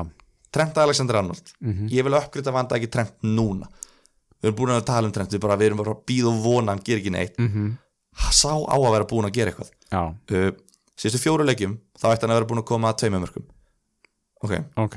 í tíu leikjum á tímabilinu ætti hann að vera búin að koma að fimm mörgum, svo þetta skora eða leggja upp hvað, á hvað er þetta að byggja þetta? á expected goals og expected assists ok, tölfræði, Ok, Aron, já, tölfræði, já, já. google it ok, varnamaður sem er að búa til mark í öðrum hverjum leik mm. og er í liði sem að færa sér fæst mörk í deildinni þú er séu umlega að halda hreinu Mhm. en Alisson er komið núna það er bara orðið must own fyrir mér já, ég verð að fá hann í liðið mitt mm. ok, búin með þetta, áfram, næsti punktur tempo ég ætla að tala núna nú ætla ég að opna umræðu um Sala eða Störling ok tökum tvær mínútur í að tala um það já, hvað, hvort myndir þú taka? uh, ég er búin að svara þessi verki með því að ég var með báða og seldi störling og vilt Sala frekar Sko, mér finnst þetta erfitt af því að síðan eftir að ég gerði það þá var ég pínu bara svona shit, átti ég kannski bara að selja sala frekar, þú veist uh, sóknarleikur Manchester City er allt annar heldur en sóknarleikur Liverpool Liverpool, ég veit það ekki Þú veist, kannski er það leikirnir eða eitthvað en þeir virka mjög svona hyggstandi svolítið fram á við sko já, eins og er uh, Eh, Sala skoraði í dag úr viti uh, ég er bara sáttur með þetta kombo, það er að segja að þá er ég með Sala uh, ég er náttúrulega með Sala og Firmino og De Bruyne og David Silva Já. Ég er með fj- fjóra þarna leikmenn fram á við í sín tveimliðum Vistu svona ágætlega kofverðar bara. og ef þú losa fyrir mín og þá náttúrulega verður svolítið erfitt að losa Sala líka, þú veist, það Já. verður myndið ekki mega sens að vera ekki með neitt sókamann í Liverpool sko. Einmitt, ég myndi aldrei gera það sko þannig að, ég- en þú veist svona stuttasvara mitt við þessari spurningu er þú veist, uh, selja störling en það er samt, þetta er bara algjör algjörð mattsatriði sko okay. hvert er þitt tæk? um, nú ætla ég að breyta mér úr Mourinho yfir í Rafa Benítez Ok, og let me speak about facts já, nú ætla ég að tala um staðrindir já Ha! síðustu fjóri leikir ég ætla að bera þá saman í síðustu fjóru leikim Já. ég veit að Sala er búin að eiga erfiða leiki en þú veist, ég ætla bara samt að bera, nota síðustu fjóru Ok. okay. leiki það segir mér meira ok uh, áalluð aðkoma að mörkum Já, ertu, mörk og stóðsendingar sorry, ég ætla að stoppa þig Ertu að tala um að því að Sala spilaði ekki í síðasta leik eða þar síðasta Ertu að tala um síðastu fjóru leiki sem er spiluðu eða bara síðastu fjóru leiki já, síðustu fjóru Óháð leikim því. sem við spiluðu Ok, held ég alveg örugglega. ok, uh, síðustu fjóru, já aðkoma að mörkum, satt, mörk pluss stóðsendingar Já. Sala 2,95 já, Störling 3,72 ok Nei, heilt auka mark ekkert eitthvað brjálæðslega mikið uh, hitakortið hjá Störling hann er miklu framar á vellinum Já. hann er miklu meira inn í tegnum Ok, það sem að mér fannst svona fráhrindandi er að mér finnst eins og Guardiola sé að leggja upp með að Störling drægi sér rosalega mikið út á kantinn já, til að halda breytinni þeir eru komni með Mendy núna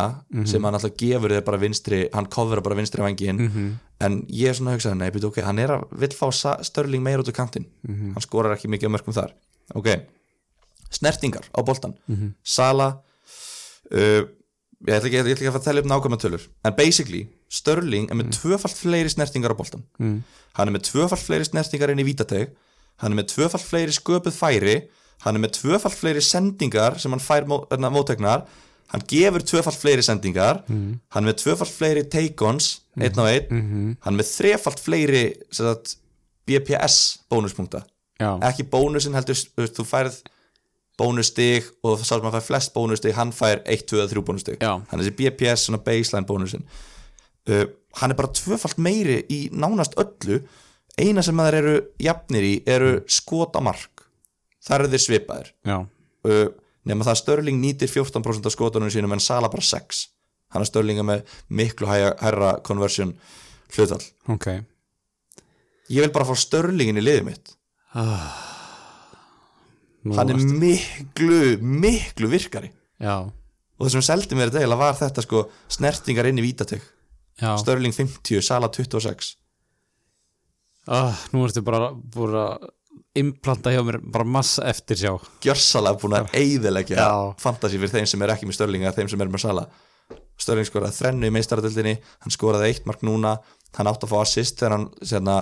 tvö assist í rauninni þú veist, áalluð bara að mínumati Já. þegar hann laði boltan út á David Silva og hann sett hann rétt framhjá það var eins mikið rétt framjá ég hef séð Já, og þegar Störling vann boltan í pressu og laði hann á Jesus Já. sem að sko fekk svona 20 mínútur til að ákveða hvað hann gerði ákveða áður en hann skoraði, nei klúraði Já. og reyndi svo að væla eitthvað víti þú veist,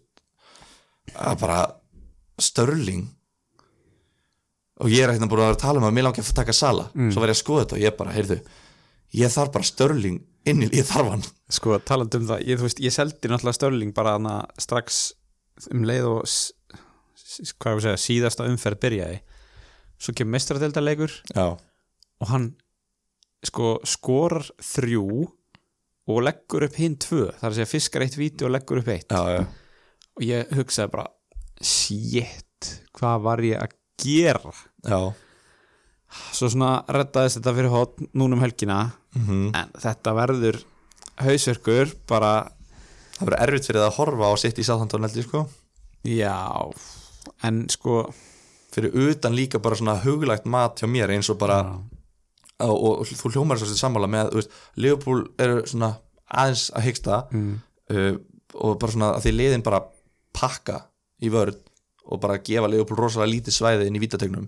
og þú veist, þá ertu svona svolítið búin að svona diffjúsa aðalstyrkleikana hjá Mani og Sala já, sem er alltaf bara hraðið skilur, það myndir henda þeim ógustlega mikið að vera í skyndisögnabólta já, það bara skiptir einhver máli með City hversu látt liðin leggjast Já, já, já. City bara finnur alltaf leið þú veist, þeir eru ógislega góður að búa til einhver færi á ógislega litlu svæði Já. Mhm. Þú veist, David Silva, Gundogan, De Bruyne þú veist, þetta er bara þarna kemur enn huglega matið Þú veist, ég veit ekki ég veit ekki af hverju ég ætti ekki að bara gera allt til að fá störlingin núna já emitt, þetta er þú veist, þetta er hausverkur styttist í jólin, da, jóladagskrána leikjaplan, leikur og þryggjata fresti Gardiola var að segja veist, um Störling bara líkams ástandi hans er ótrúlegt hann er svo lítill og bara léttur og Já. bara recovera svo hratt eftir leiki já. getið spila daginn eftir Sala reynda líka já, en þú veist spurning hvað hann mun gera við De Bruyne og Aguero þegar jólatöning kemur já Eh, uh, ég náttúrulega var búin að vera með báða síðan í umferð tvö já, það bara þú veist, síðan eru þeir svo dýrir að þegar þeir delivera ekki þá er það bara ræðilegt já, já þannig að hérna, en ég meina en ég horfði bara á þetta þannig ég var bara að taka mjög meðvitað ákvörun mm -hmm. þú veist, ég skipti þó allavega stölling út fyrir annan sittimann uh, ég er bara þú veist, ég þarf bara að horfast í augu við það að þegar stölling er að gera eitthvað þá veit ég bara það að ég valdi þetta sjálfur já, já og ég bara get ekkit verið að svekja mig á því En það hefur svo sem áður gerst í þessum þætti að GT droppar uh, miklum fróðleik Já. og vísdómi Mm. sem að rætist en uh, GT fylgir ekki einn ráðum já, og ég er til dæmis ekki viss um að ég sé að fara að taka störling inn í næstu umferð þó að ég kom í hérna algjör að hita ræðu þar sem Já, ég já. algjörlega en bara, þú veist ég veit það ekki, fattar við mér langar í vart, ég veist eitthvað svona ég veit Já. ekki hvort að ég sé að fara að taka störling inn einu sinni þannig að þetta gæti alveg verið enn eitt skiptið þar sem að ég er eitthvað að tjá mig hérna um eitthvað sem á að fara að gera og gera þessu ekki sjálfur og kem svo vælat í næsta þátt með 14 stigur umferðinni já, Störling skora þrennu og Chris Wood 2 og, og hérna, Trent leggur upp fimm mörg, en ég ætla bara samt að þakka þér fyrir mjög góða tölfræði takk, takk, takk og bara mikið fróðleik eins og ég segi, þetta er bara að vinna já, varstu með eitthvað meira nei, ég er bara eiginlega tómur, já, bara svona punktur að því ég var að skoða þetta uh, áallega mörg frá Jamie Vardy Já. á tímabilinu, já, 4,03 hann er búinn að skora nýju vá, hann er fimm mörgum yfir áallun það er mikið en þetta er eini leikmaðurinn sem hefur bara sínt í gegnum árin að tölfræði skiptir engum máli þegar kemur að Jamie Vardy já, þeir kalla hann The Stats Buster á ennsku og hérna ég var að reyna að finna eitthvað íslenska, íslenskara og betra en það var ekkert eins cool og Stats Buster tölfræði trillirinn tölfra og í bara oi tölfra trillir Herre, þá er ég bara búinn, nú er ég tómur og hérna klárum spurningar Ok uh, Sko, við vorum búin að ræða hérna Viljan uh, um, Hvað á að gera við Aguero? Þú Veist, við erum svo sem búin að tækla það alveg ágætlega ekki þú vilt selja hann strax, ég vil geima hann einu umferð og selja hann svo strax Já okay. uh, Bara ek- einn punktur sem ég ákvað að koma með á maður að taka sensin á Gabriel Jesus Ég veit að þú, þínar persónlegu skoðanir og álit hindra það Já, ég held ég að við, mér minnir mér að segja að við talaðum um að fyrir, þetta er einu leikmann sem ég leifi Tilfinningum, já. huganum, tilfinningunum að ráða hann kemur ekki nálætt lið En þú veist, svona ef þú getur sett þig mögulega í þar aðstæður Get það ekki. Nei, ok Jú, En ég hef verið ok, ég, ég skal taka þetta fyrst bara ég ætla ekki að snerta þetta Aguero, Gabriel Jesus rotation Nei. bara, mér finnst bara fínt að bara sleppa þess alveg þá er ég ekki að svitna yfir byrjunlegunum ég sitt í hvert einu skipti Það er bara með eitthvað fullkomis sens já, Ég myndi ekki taka sens, hvað kostar Jesus? 9,7 eða 9, eitthvað. eitthvað 5 eða Já, eitthvað Ég myndi ég myndi aldrei kaupa hann, þú veist sem 9 miljón krónar maður, hann er ekki einu svona á fremstu blaðsöðunni í, í sóknarmönum sko. hann er Já. hann bara eitthvað staðar í með 30 stig kannski, þú veist hann skorar alltaf, eða skorar rosalega mikið já, hann er með nákvæmlega 30 stig Vá, vel gert en hérna það, hann, það er bara ekki nóg að skora alltaf á korteri þegar þú ert fantasileikmaður Nei, og hann er, er yfirleitt líka bara að setja eitt Já, spila já. yfirleitt útileikina og svona Já. Það er bara rosalega margt sem tala gegn því að taka hann já. já, ég held að hérna, ok uh, hvað strækir á maður að hafa erum við ekki eiginlega búin að tækla það það var Vorti, Abraham og Rashford sko Tammy og Vardy eru krúsjál 1-2, fyrst og annað pekk uh, erum við ekki samanlega því eða? ég ver, jú, jú, jú, saman tvei sko Já. ég, jú, jú, jú Nei, ég var að pæla hvort ég myndi taka Tammy og Vardy fram, úr- fram með, sko. ég held ég verði að taka Vardy núna eftir síðustu umferð Já, En þeir, já, þeir eru bara svona alveg krúsjál með að við bara formið, allavega sérstaklega Vardí Tami aðeins búin, að- ekki búin að skora náðan tvoleikir mm. uh, og, og næstu viðregnir hjá Chelsea og Leicester eru gjörsanlega brjálar sko. Mhm. þriðji, þú veist, það er margt í bóði með þriðja, já, þú veist Aubameyang gæti alveg þú veist, hversu marga leiki allar hann að fara í röð að hann að skora, hann já, er komið þrjá leiki í röð þú veist, hversu lengi mun það halda áfram og þeir eru ennþá fína viðregnir, já, Wolves er ennþá með fína viðregnir Jimenez er búin að vera bara svona temmilega heitur já, manni og góða viðregnir og Rashford er búin að vera temmilega heitur já. þú ert að snerta ná tveimur hérna punktum sem að fegur skilabóðum fengur spurningum Jordan Ayew hvort að var ætti að taka hann inn já, uh, það er að segja hérna var einhver sem var með Hímenes og var að pæli að skipta um út og taka Jordan Ayew bara til að búti pening já,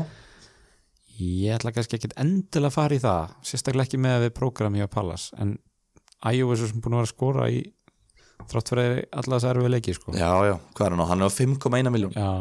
Sko, Jordan Ayew á 5,1 a- Connolly á 4,6 Mm. ég held að það gæti bara verið mjög fínt að vera með hérna fara í einn 4,5 miljón króna sóknamann frekar en miðjumann Já. þú veist, það er bara að vera með Tammy og Vardí af því þeir eru bara, eru, lí- ég, ég held að þeir sé að fara að skila reglulega Já. Þú veist, Jimenez, þú veist, hann gerði það í fyrra Já. en hann byrjaði kaldur og nú er hann að hitna kannski kólnar aftur Rassford, þú veist, kólnar hann, hitnar hann, meiðist hann þú veist, veit það ekki Mhm, Þú veist, það eru, þessi tveir eru valjú, mesta valjú fyrir mér og það var alveg svínt að vera kannski með ódýran, mið- ódýran sóknumann og, og geta að vera með Martial eða David Silva eða einhvern svona miðju, verðsmiðjumann í staðinn já, já, já ok, segjum bara, tökum bara smá hérna út út úr, segjum að við sért að fara að spila bara 3-5-2 og sért með Tammy og Vorti frammi Já, hvað og 5 ertu þá með á miðinni De Mm. Bruyne, De Bruyne, Salah, Störling ok og svo tveiri viðbót næ ég að koma Mason Mount og Martial inn í þetta lið já, já, segjum það bara Já, ég myndi taka það en þú? já, já, bara hljómar ótrúlega vel ég, þú veist ég hef í sjálfis engu við þetta að bæta David Silva frekar en Martial eða? uh, nei, voru með De Bruyne og Störling þá er ekki að fara að taka þriða sitt í mannmenn eða miðjumannin Ok þá sé alveg, þú veist ég get alveg hort fram á það ef, að, að, hérna, ef ég skipti sala út fyrir störling að, að það væri þannig á mér Já, já, en ok, höldum áfram uh, uh, uh, uh, Obameyang út þess að það er einhver sem langar að selja Obameyang og spyr hvernig hann á að taka í staðinn ég sagði bara vorti Þú Já. veist, það er auðvitað svarið en ef við gerum ráð fyrir kannski að við komum til sé með hann í liðinu Þú veist, við erum búin að ræða þetta fram og tilbaka já þetta er svona bara Jimenez, Já, Rashford, Connolly, Ayouf kannski Já. Eh, Hvað finnst þér um Harry Kane? Ég ætla að nefna hann, hitt jóki Já. sko En hann er samt ofalega Hann er samt búin að skora Hvað er hann búin að skora mörg mörg? Hann er, þú veist Harry Kane er alltaf Harry Kane sko Já, þú veist, Svona- þeir eru samt bara svo ógeðislega lélegir sko Eða, þú veist, voru þeir miðað- samt ekki bara fínir í þessum leik meða við allt og allt Jú, jú, en þú veist, Leikum í stóru dag. leikinir hefur ekkert verið, hefur ekkert verið vandamáli Þeir náðu jafntöflum á móti City, jafntöflum á móti Arsenal og réttu upp á móti Liverpool alltaf útivilli, Já, hann er með sex mörg og eina stafsendingu tíu leikjum, 55 stig og, og hérna, 8 bónuspunktar Mm. fínt prógram Já, þú veist En það er bara sama skýrur, sama og ég sagði með Obameyang Já. að ég, ég er með, bara mín pólis er með þessa lúksusleikmenn, þú Mm. veist, sérstaklega eins og Kane, þú veist, að þegar Kane er heitur þá er engin heitar en Kane Já. þú veist, við minnum þetta er bara tvær þrennur í röð og Já, já. hversu oft skora hann tvö mörg á útivelli í fyrra Já. 13 stig var bara basic -hmm. og bara fyrirlega var alltaf, þú veist, það hverlar ekki að neinum sem er að spila þetta eitthvað alveg að vera með Kane fyrirlega skilur eða þú veist það er farið svona, ég held að við séum svona hægt og rólega að finna það út núna á þessu tímabili, að þú veist, það lítur oft vel út á pappir, Já, en það bara borgar sig aldrei, það verður aldrei borgar sig á þessu tímabili nei, þetta er mjög hérna emitt, þú veist, Ótrúlega ég súrt. brendi mig og, og seldan og bara sé ekki eftir því sko Já, ég brendi mig líka á því á seldan Herri, hérna fullreint með Everton menn ég held að það sé nú alveg staðfest uh, á að taka Pulisic inn fyrir Mount mm, Nei, Ég held ekki, sko. við erum búin að ræða þetta við sjáum ekki ástæðu til þess Nei, og sérstaklega bara valjú sem maður er búin að byggja upp í mánt það eru örugglega flestir sem að tók hann þú veist, fyrir 0,345 miljónum síðan sko, Já, að þú ætlar að selja hann og svo fyrir mánt fer upp á næsta level, mm -hmm. þá þátt að kaupa hann aftur miklu dýrar og það er bara sóun já uh, Van, ef maður ætla að selja Van Dijk hvernig á maður að taka í staðinn ég seti bara mjög augljós svar bara Pereira eða Chilwell bakverðina í Lester Já Ég myndi að þú vilt ódýrar valkost að taka bara einhvern í Sheffield United skiptir eiginlega ekki máli Já, dobla upp í, í Sheffield Já, Ég veit ekki alveg hvað ég myndi gera Þú veist, Lester þeir eru búin að halda hreinu þrísvar á tímabilinu mm. veist, það, það er ekki meira en það ég, þú veist, ég myndi ef, þú veist, já, ég er nú með vandæk og mér langar að selja hann nákvæmlega, þeir sem ég er að horfa á er trend já ég myndi uppgreita í trend mm -hmm. uh, ef að það er alveg ómögulegt sko, nú ætla ég bara að segja að mér dreymdi að Marcos Alonso hefði skorað Ég- þetta var bara martrið Já. og ég var, þarna, ég var á vellinum já, og hérna, ég, og hvort ég var að keppa leiki líka ég var komin í Chelsea, byrjunlegi fyrir Mason Mount já, og Alonso skoraði og fekk eitthvað 14-15 stig og ég var bara, nei, ég er ekki með hann ég verða að taka hann og hérna, ég er berðrið minn ok þannig að ég, þú veist, Alonso 6,3 ára, hann er, þú veist, sóknarlega skila stigum mm. uh, Chelsea vörnin, þú veist, þeir eru heldur búin að halda reynu þrísvar, þú veist, já, en þú veist eins og börleið, þú veist, búin að halda reynu í 85 mínútur, þú veist, klárið þetta bara Akkur nákvæmlega ekki, Tom Mori 4,8 ég var alveg til í Tom Mori ég myndi segja Tom, ég myndi segja Tom Mori Alonso Trent þú myndi segja Pereira Chilwell já uh, ok, og kannski síðasti punkturinn bara, hver er go to kaftin, það er að segja að þú ættir að setja svona set and forget kaftin sem þú kíkir á bara ekki fyrir en annan í jólum, já, hvern myndir setja ég held að ég er því að velja stigasta leikmannin í fantasy það er ekki bara að kemur til brönnu já er hann með bandi hjá þér í næstu umferð uh, nei hann er ekki með það ekki allar að setja Aguero aftur skoðaði nú, boom oh, ég er með Aguero sjálfsögðu og ég get alveg lofa þér því, hann fer ekki undir 20 stig Aguero, já, ég get alveg lo- ég eftir er alveg að rekna með fyrirlega bónusnum, allar að fá Nei, já, 40 já, Ég er, ég er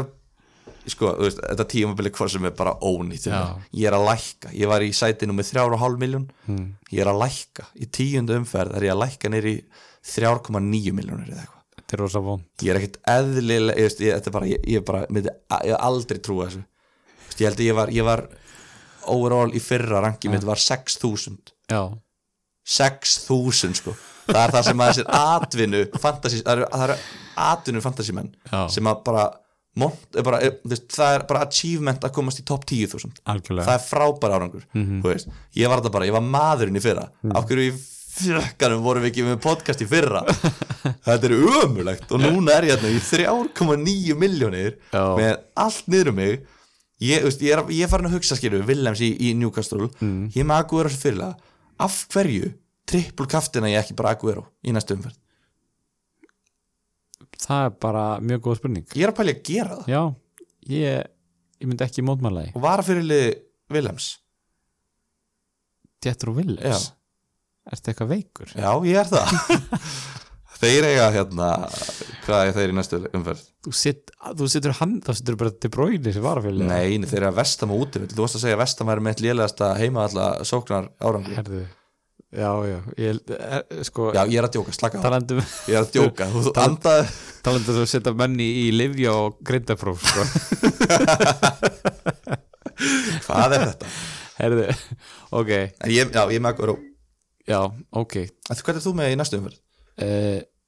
De Bruyne Já, vantalega aftur uh, ég er svona svolítið ég meina, þú veist, það er ekki annað hægt eftir þetta sko en að setja sitt í mann eftir útreðina sem Sántón fekk um helgina og ég svona er svolítið að horfa á það bara líka þú veist til brónið skilaði ekkert yngri bombu núna sko Nei, Þú veist, einu assisti og þú veist hversu marga leiki í röð ég meina, hann fekk þrist þar áður það átti að fá miklu fleiri en þig þar hversu oft getur þetta gengið svona sko Þú Já, já. ég meina, hann fekk nánast næsti mark skráðu sig núna og já já, bara sett bandi á hann og, og hérna vonaði besta, en ég verð að segja fyrir mig ef ég ætti að setja einn fyrirlega núna og ekki kíkja fram á jólum þá held ég myndi velja Jamie Vorti í alvörunni í alvöru tala Ok Kemur þú með mér í þetta próf eða? Hvernig er það? sko, Er tveir fyrir einn á grindafsir til að prófa? Hvað erum við að gera þetta? Af hverju erum við að ræða? Jesus, já, Æ. en sko, ok, þá ætla ég að koma með eitt já, Núna hérna varst þú hérna rosalega sniðu Þú, þú settir upp sniðu gleruðin en aðan Þú varst að segja já, ég meina, þú veist City var bara heima á móti Aston Villa það var ekkert augljóst, þú veist ég var alveg að pæli að taka Vardí sem fyrirlega á móti Sáþondon á útivelli já, Herru, næsta umferð, City er heima á móti Sáþondon já, og Lester er á útivelli á móti Kristopalas já Ertu þá að íhuga að setja bandið á Vardí? nei, Ég vil bara, út, ég vil bara ekki gefa það möguleika að koma þetta vitur eftir á í næsta þætti þegar hann er búin að skora þrennu Já, það var alveg, ég var alveg að nei, ok hérna ég skal alveg segja núna að, þú veist, ég myndi kannski ekki treysta mér til að setja fyrirlega bandi á David Silva sem Nei. er hinn sitt í maður minn þannig að á eftir til bróinu var það Sala og Firmino sem kemur til greina Úti á móti þess að vilja já uh, eða þú veist, þess vegna Abraham og Mount Þeir eru Allir frekar en Vardí Vardí var að Í fá raun- 20 stig og hann er sjóðandi hitt Já, en þá komum við aftur af, af skoðunni minni hversu oft færi svona bombu í röð Þú varst að segja aðan, Vardí skorar alltaf Já, og þú veist, kannski og þannig að ég reikna með hann sé að fá áttast í hver einust umferð Já, já, minnst við verið að tala svo mikið í ringi hann en, en þú veist að samanskapi, mér líst vel á næstu umferð ég er búin að stilla upp liðinu já, uh, mér líður vel með alla, mér líður þessu allir fram á við og gæti að fengi stig og vörnum þessina líka, já Þetta er allt, allt byrjunulegs leikmenn sko eða ekki Jú, jú, jú, Og- byrjuðu út með týrni á bekknum Já, Já, og hérna sem segir okkur það að ég hugsa ég þarf, ég þarf aðeins að vakta verðhækkanir og breytingar já, uh, í þessari viku um, ég er svona velta fyrir mér með, hvað, ge, hvað ég gerir ennþá með Adrian Þú veist, en að samanskapi ef þú ert með markmann á bekknum sem þú ert ekki að fara að spila það liggur ekkert á að koma um út ekki nú sért eitthvað tæpur á að fylla upp í einhverjar Já, já, já. verðbreytingar sko þannig að uh, ég er búin að vera að skoða Ben Chilwell eftir þessu umferð já, uh, fyrir til dæmis Matthew Lowton já, og búin að skoða Kasper Smækkel búin að skoða Dean Henderson eins og ég talaði um En vand, ég myndi elska að taka Dean Henderson en vandamálið er það að mér vandar markmann í umferðum 12 til 15 já, þegar Matthew Ryan á frekar erfitt prógram ef við kíkjum á Sheffield United þá skarast það eiginlega akkurat að þeir eiga í umferðum 12, 13 og 14 svolítið leðilega leiki Spilar Henderson á móti mannjú uh, sennilega ekki þegar hún nefnir það sem er eftir þrjár umferðir já, þannig að þeir sem eru með Henderson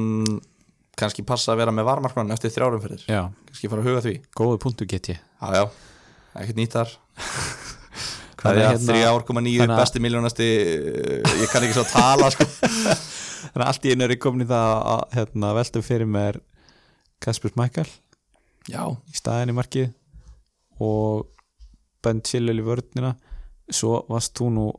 pínu lítið að velta einum steini hérna ég ætla að sjá hvort að bara live hvort ég næði þessu já, já, já, já, ég get Heyrðu. breytt Kieran Tierney ú í trend það er eitthvað en þá er ég náttúrulega að sko seg, eigða öllum aukapyrnum mínum í það ú, Nei, og bíddu, margir, bíddu. það þarf að selja já, allir. þá þarf ég að selja Adrian Æ, ég meina, þá þá ger ég það bara hvað sem er sko Nick Pope líka, hann á þægilega næstu fjóralegi hann rotatar vel við Ryan thank you Já, já, já, ég, gaur, heyrðu bara oftar í mig Mér finnst við ekki tala nógu mikið um fantasy nákvæmlega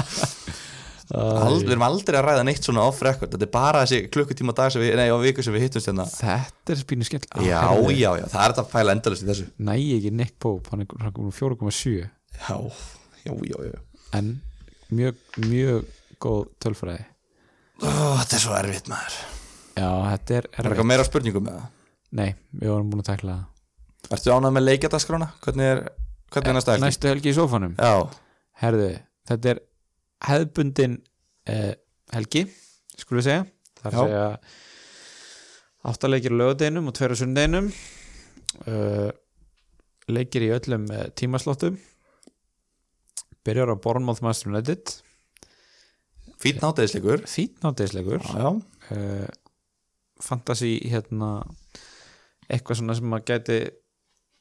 wow, kann ekki að tala Þú veist, fólk gæti átt leikmenn í þessum liðum já, fantasy-leikmenn uh, en svona, eins og Helgi horfir við mér þá er mesta fjörið á lögadeinum Já, já. Sundagsleikin eru Crystal Palace Lester heldur en að já, ok, það er síðasti punkturinn síðast spurningin sem kom frá hlustundum Já. hvort maður ætti að fylla liðið sitt að Lester mönnum já. hvað segir um það? Um, þú veist, fylla liðið þitt, skilur við, sko, þú mátt bara nota þrjá Þú veist, hvað meinar hann Sojanku er ef við segjum, Sojanku og Vardí verða að vera í liðinu finnst mér er það? Já Og þú mátt alveg vera með Þú veist, ég, ég myndi ekki double upa í vörn, sko Ég myndi ekki vera með tvöfald að lester vörn, held ég Ok. En ég veit að þú eh, talaðu þegar vorum í þessu frábæra lið sem að sló í gegn hypothetical wildcard Já. að þá varst þú með Smækkel og, og hérna og, og Pereira og Chilwell recommendation og svona, þannig að við, Já. við erum greinilega ekki sammála sem er frábært Já uh, Já, sko Ég myndi alveg vera með þrjá lestirmenn núna Já, ég myndi reyna, þú veist, ég- var- Soyuncu Madison Vardí, Já jafnvel Tílmanns Ég verð að segja fyrir mig pældu mikið í því hérna fyrir mót uh, þetta Tílemanns Peres Mandesson þessa Já. þrenningu ég, bara Tílemanns er bara pikið fyrir mig spilar alltaf 90 ótrúlega lungin að setja eitt og eitt mark hann er Öðru með hverju. markanum, Já. þú veist, hann er ekki í þessum fremstu stöðum Nei. en hann, þú veist, góður skotmaður já, hann Og ég kemur meina- svona í tegin og klárar og bara, í stöðunni var ekki 7-0 þá var Mattisson ég man ekki í hvað stöð Nei, þá var Mattisson annarkvort bara búin að skora eitt mark eða ekki búin að gera neitt þú veist. já, hann skoraði áttundamarkið Já, úr aukarspilni einmitt í 9-0 sigri kemur hann að einu Mm. marki Mhm. Þetta, þannig að mér finnst sóknar stíin sem Mattisson að fá ekki vera eins og flestir byggust við fyrir utan líka bara hvað, þú veist, komið að huglaða matinu mm. en maður fylgist með eins og sér hæglaðsinn, þú veist, hann klúður að svona þrem döðafærum í leik Já, Mhm. Þú veist, það er vond, þú veist, þetta er alveg svona tílumanns, þú ferður örugglega inn í það með minni væntingar, hann er ódýrari einmitt en þú veist, samt einhvern veginn ég held að þú veist, ég held að Martial sé betra pikkheldur en Já. Madison og þú veist, ég held að Jarmolenko sé betra pikkheldur en Tílemans mm. ég held það Já. ég held að, sé, ég held að, ég held að Sojanko vart í sér nóg En hérna, já, mér líst bara ótrúlega vel á þessu umferð ég meina, við erum að tala um Massa City, Southampton Watford, Chelsea uh, þetta er, ske, þetta er líka Astorilla, Liverpool Þetta er líka ógæslega skemmtilegir fantasileikir Já, Sunnudagurinn, Crystal Palace Leicester já, og þú veist, ok, Everton Tottenham það er ekki margir með það í svona liðum en þú vil, í, í sínu liðum, en Mhm. þú vilt samt sjá hennar leik, þú veist, þú vilt að annarkvort svari Everton með að halda hreinu og vera góðir Mhm. Já. eða þá að þú, eða að Tottenham svari og segja þessi góðir þú veist, þú, þú færð svör á, í- við þessum leik, Ég- það er alveg klárt Ég verð að segja fyrir mig, ég held að Tottenham vinna þennan leik já, Það- Ég held að sé fleiri vandamál í gangi á Everton heldur en Tottenham já, örglega sko Þó að bæði liðin séu með allt neyru sig ég ætla reyndar að segja að þetta er jafntefli Já seti peningin á það, Er þetta ekki, er 1-1. þetta ekki tæmt hjá okkur í, í bili? jú, það er ekki bara Ég held það og ég bara hveti ykkur til að fylgjast með deildabekarnum í vikunni og sjá hvernig verð- eh, hvernig verðum við meðsli og hverju spila hjá City og, og annað Já og mér finnst lí- við líka ekki vera að nógu mikið að plugga sko að við erum þú veist, að þú mest benglis virkir á Instagram og Facebook Já. Þú veist, það eru fréttir þú veist, við, þú veist, við erum alveg fótbolta fíklar sem erum að skoða þetta bara allan daginn Já, og við erum að filtera og koma með þú veist, alveg, þú veist, kannski á fimmtudegi er alveg góður einhver ummæli eða einhver kemur, Mhm. kemur ljós eitthvað sem eittur að þú veist, ég veit bara að það eru fleiri að hlusta á hana þátt heldur en er að fylgja okkur á Instagram og Facebook já, já. þannig að hérna það er líka ógeðslega leiðilegt að það er alltaf svona einn í einu, þú veist, alltaf eftir hvert þá það er alltaf svona einn sem mann byrjar að fylgja á Instagram og þú var notification um því, það er alltaf bara slökku á því að bara, ég væri til í að bara fá bara, þú veist, nokkur þúsund bara strax á morgun þú veist, núna þegar þeir eru að hlusta á þetta Já. að bara græja þetta núna bara til að sleppa okkur við þetta notification fáum bara, ég vil bara að allir hlusta þetta hópurinn bara byrja núna, græja, gangi bara frá því núna Já, þú veist, eftir hver eftir að býða nákvæmlega og, þið, og meðan þú ert að því fyrst þú ert komin á Instagram og Facebook fyndu þá Nemiu og Arnur Gauta styrtaþjálfara í leiðinni og þú veist, taktu bara þú veist, tekur hálfa mínútu og þú ert bara búin að gera lífið eitt svo miklu, miklu auðveldra Þar hafið það hlustendur auðvitaði lífið ykkar breytiði liðinu fyrir næsta hátti á lögadag hvað erum við að segja henni Þetta er svo löngu búið sko Bless, bless bless í bili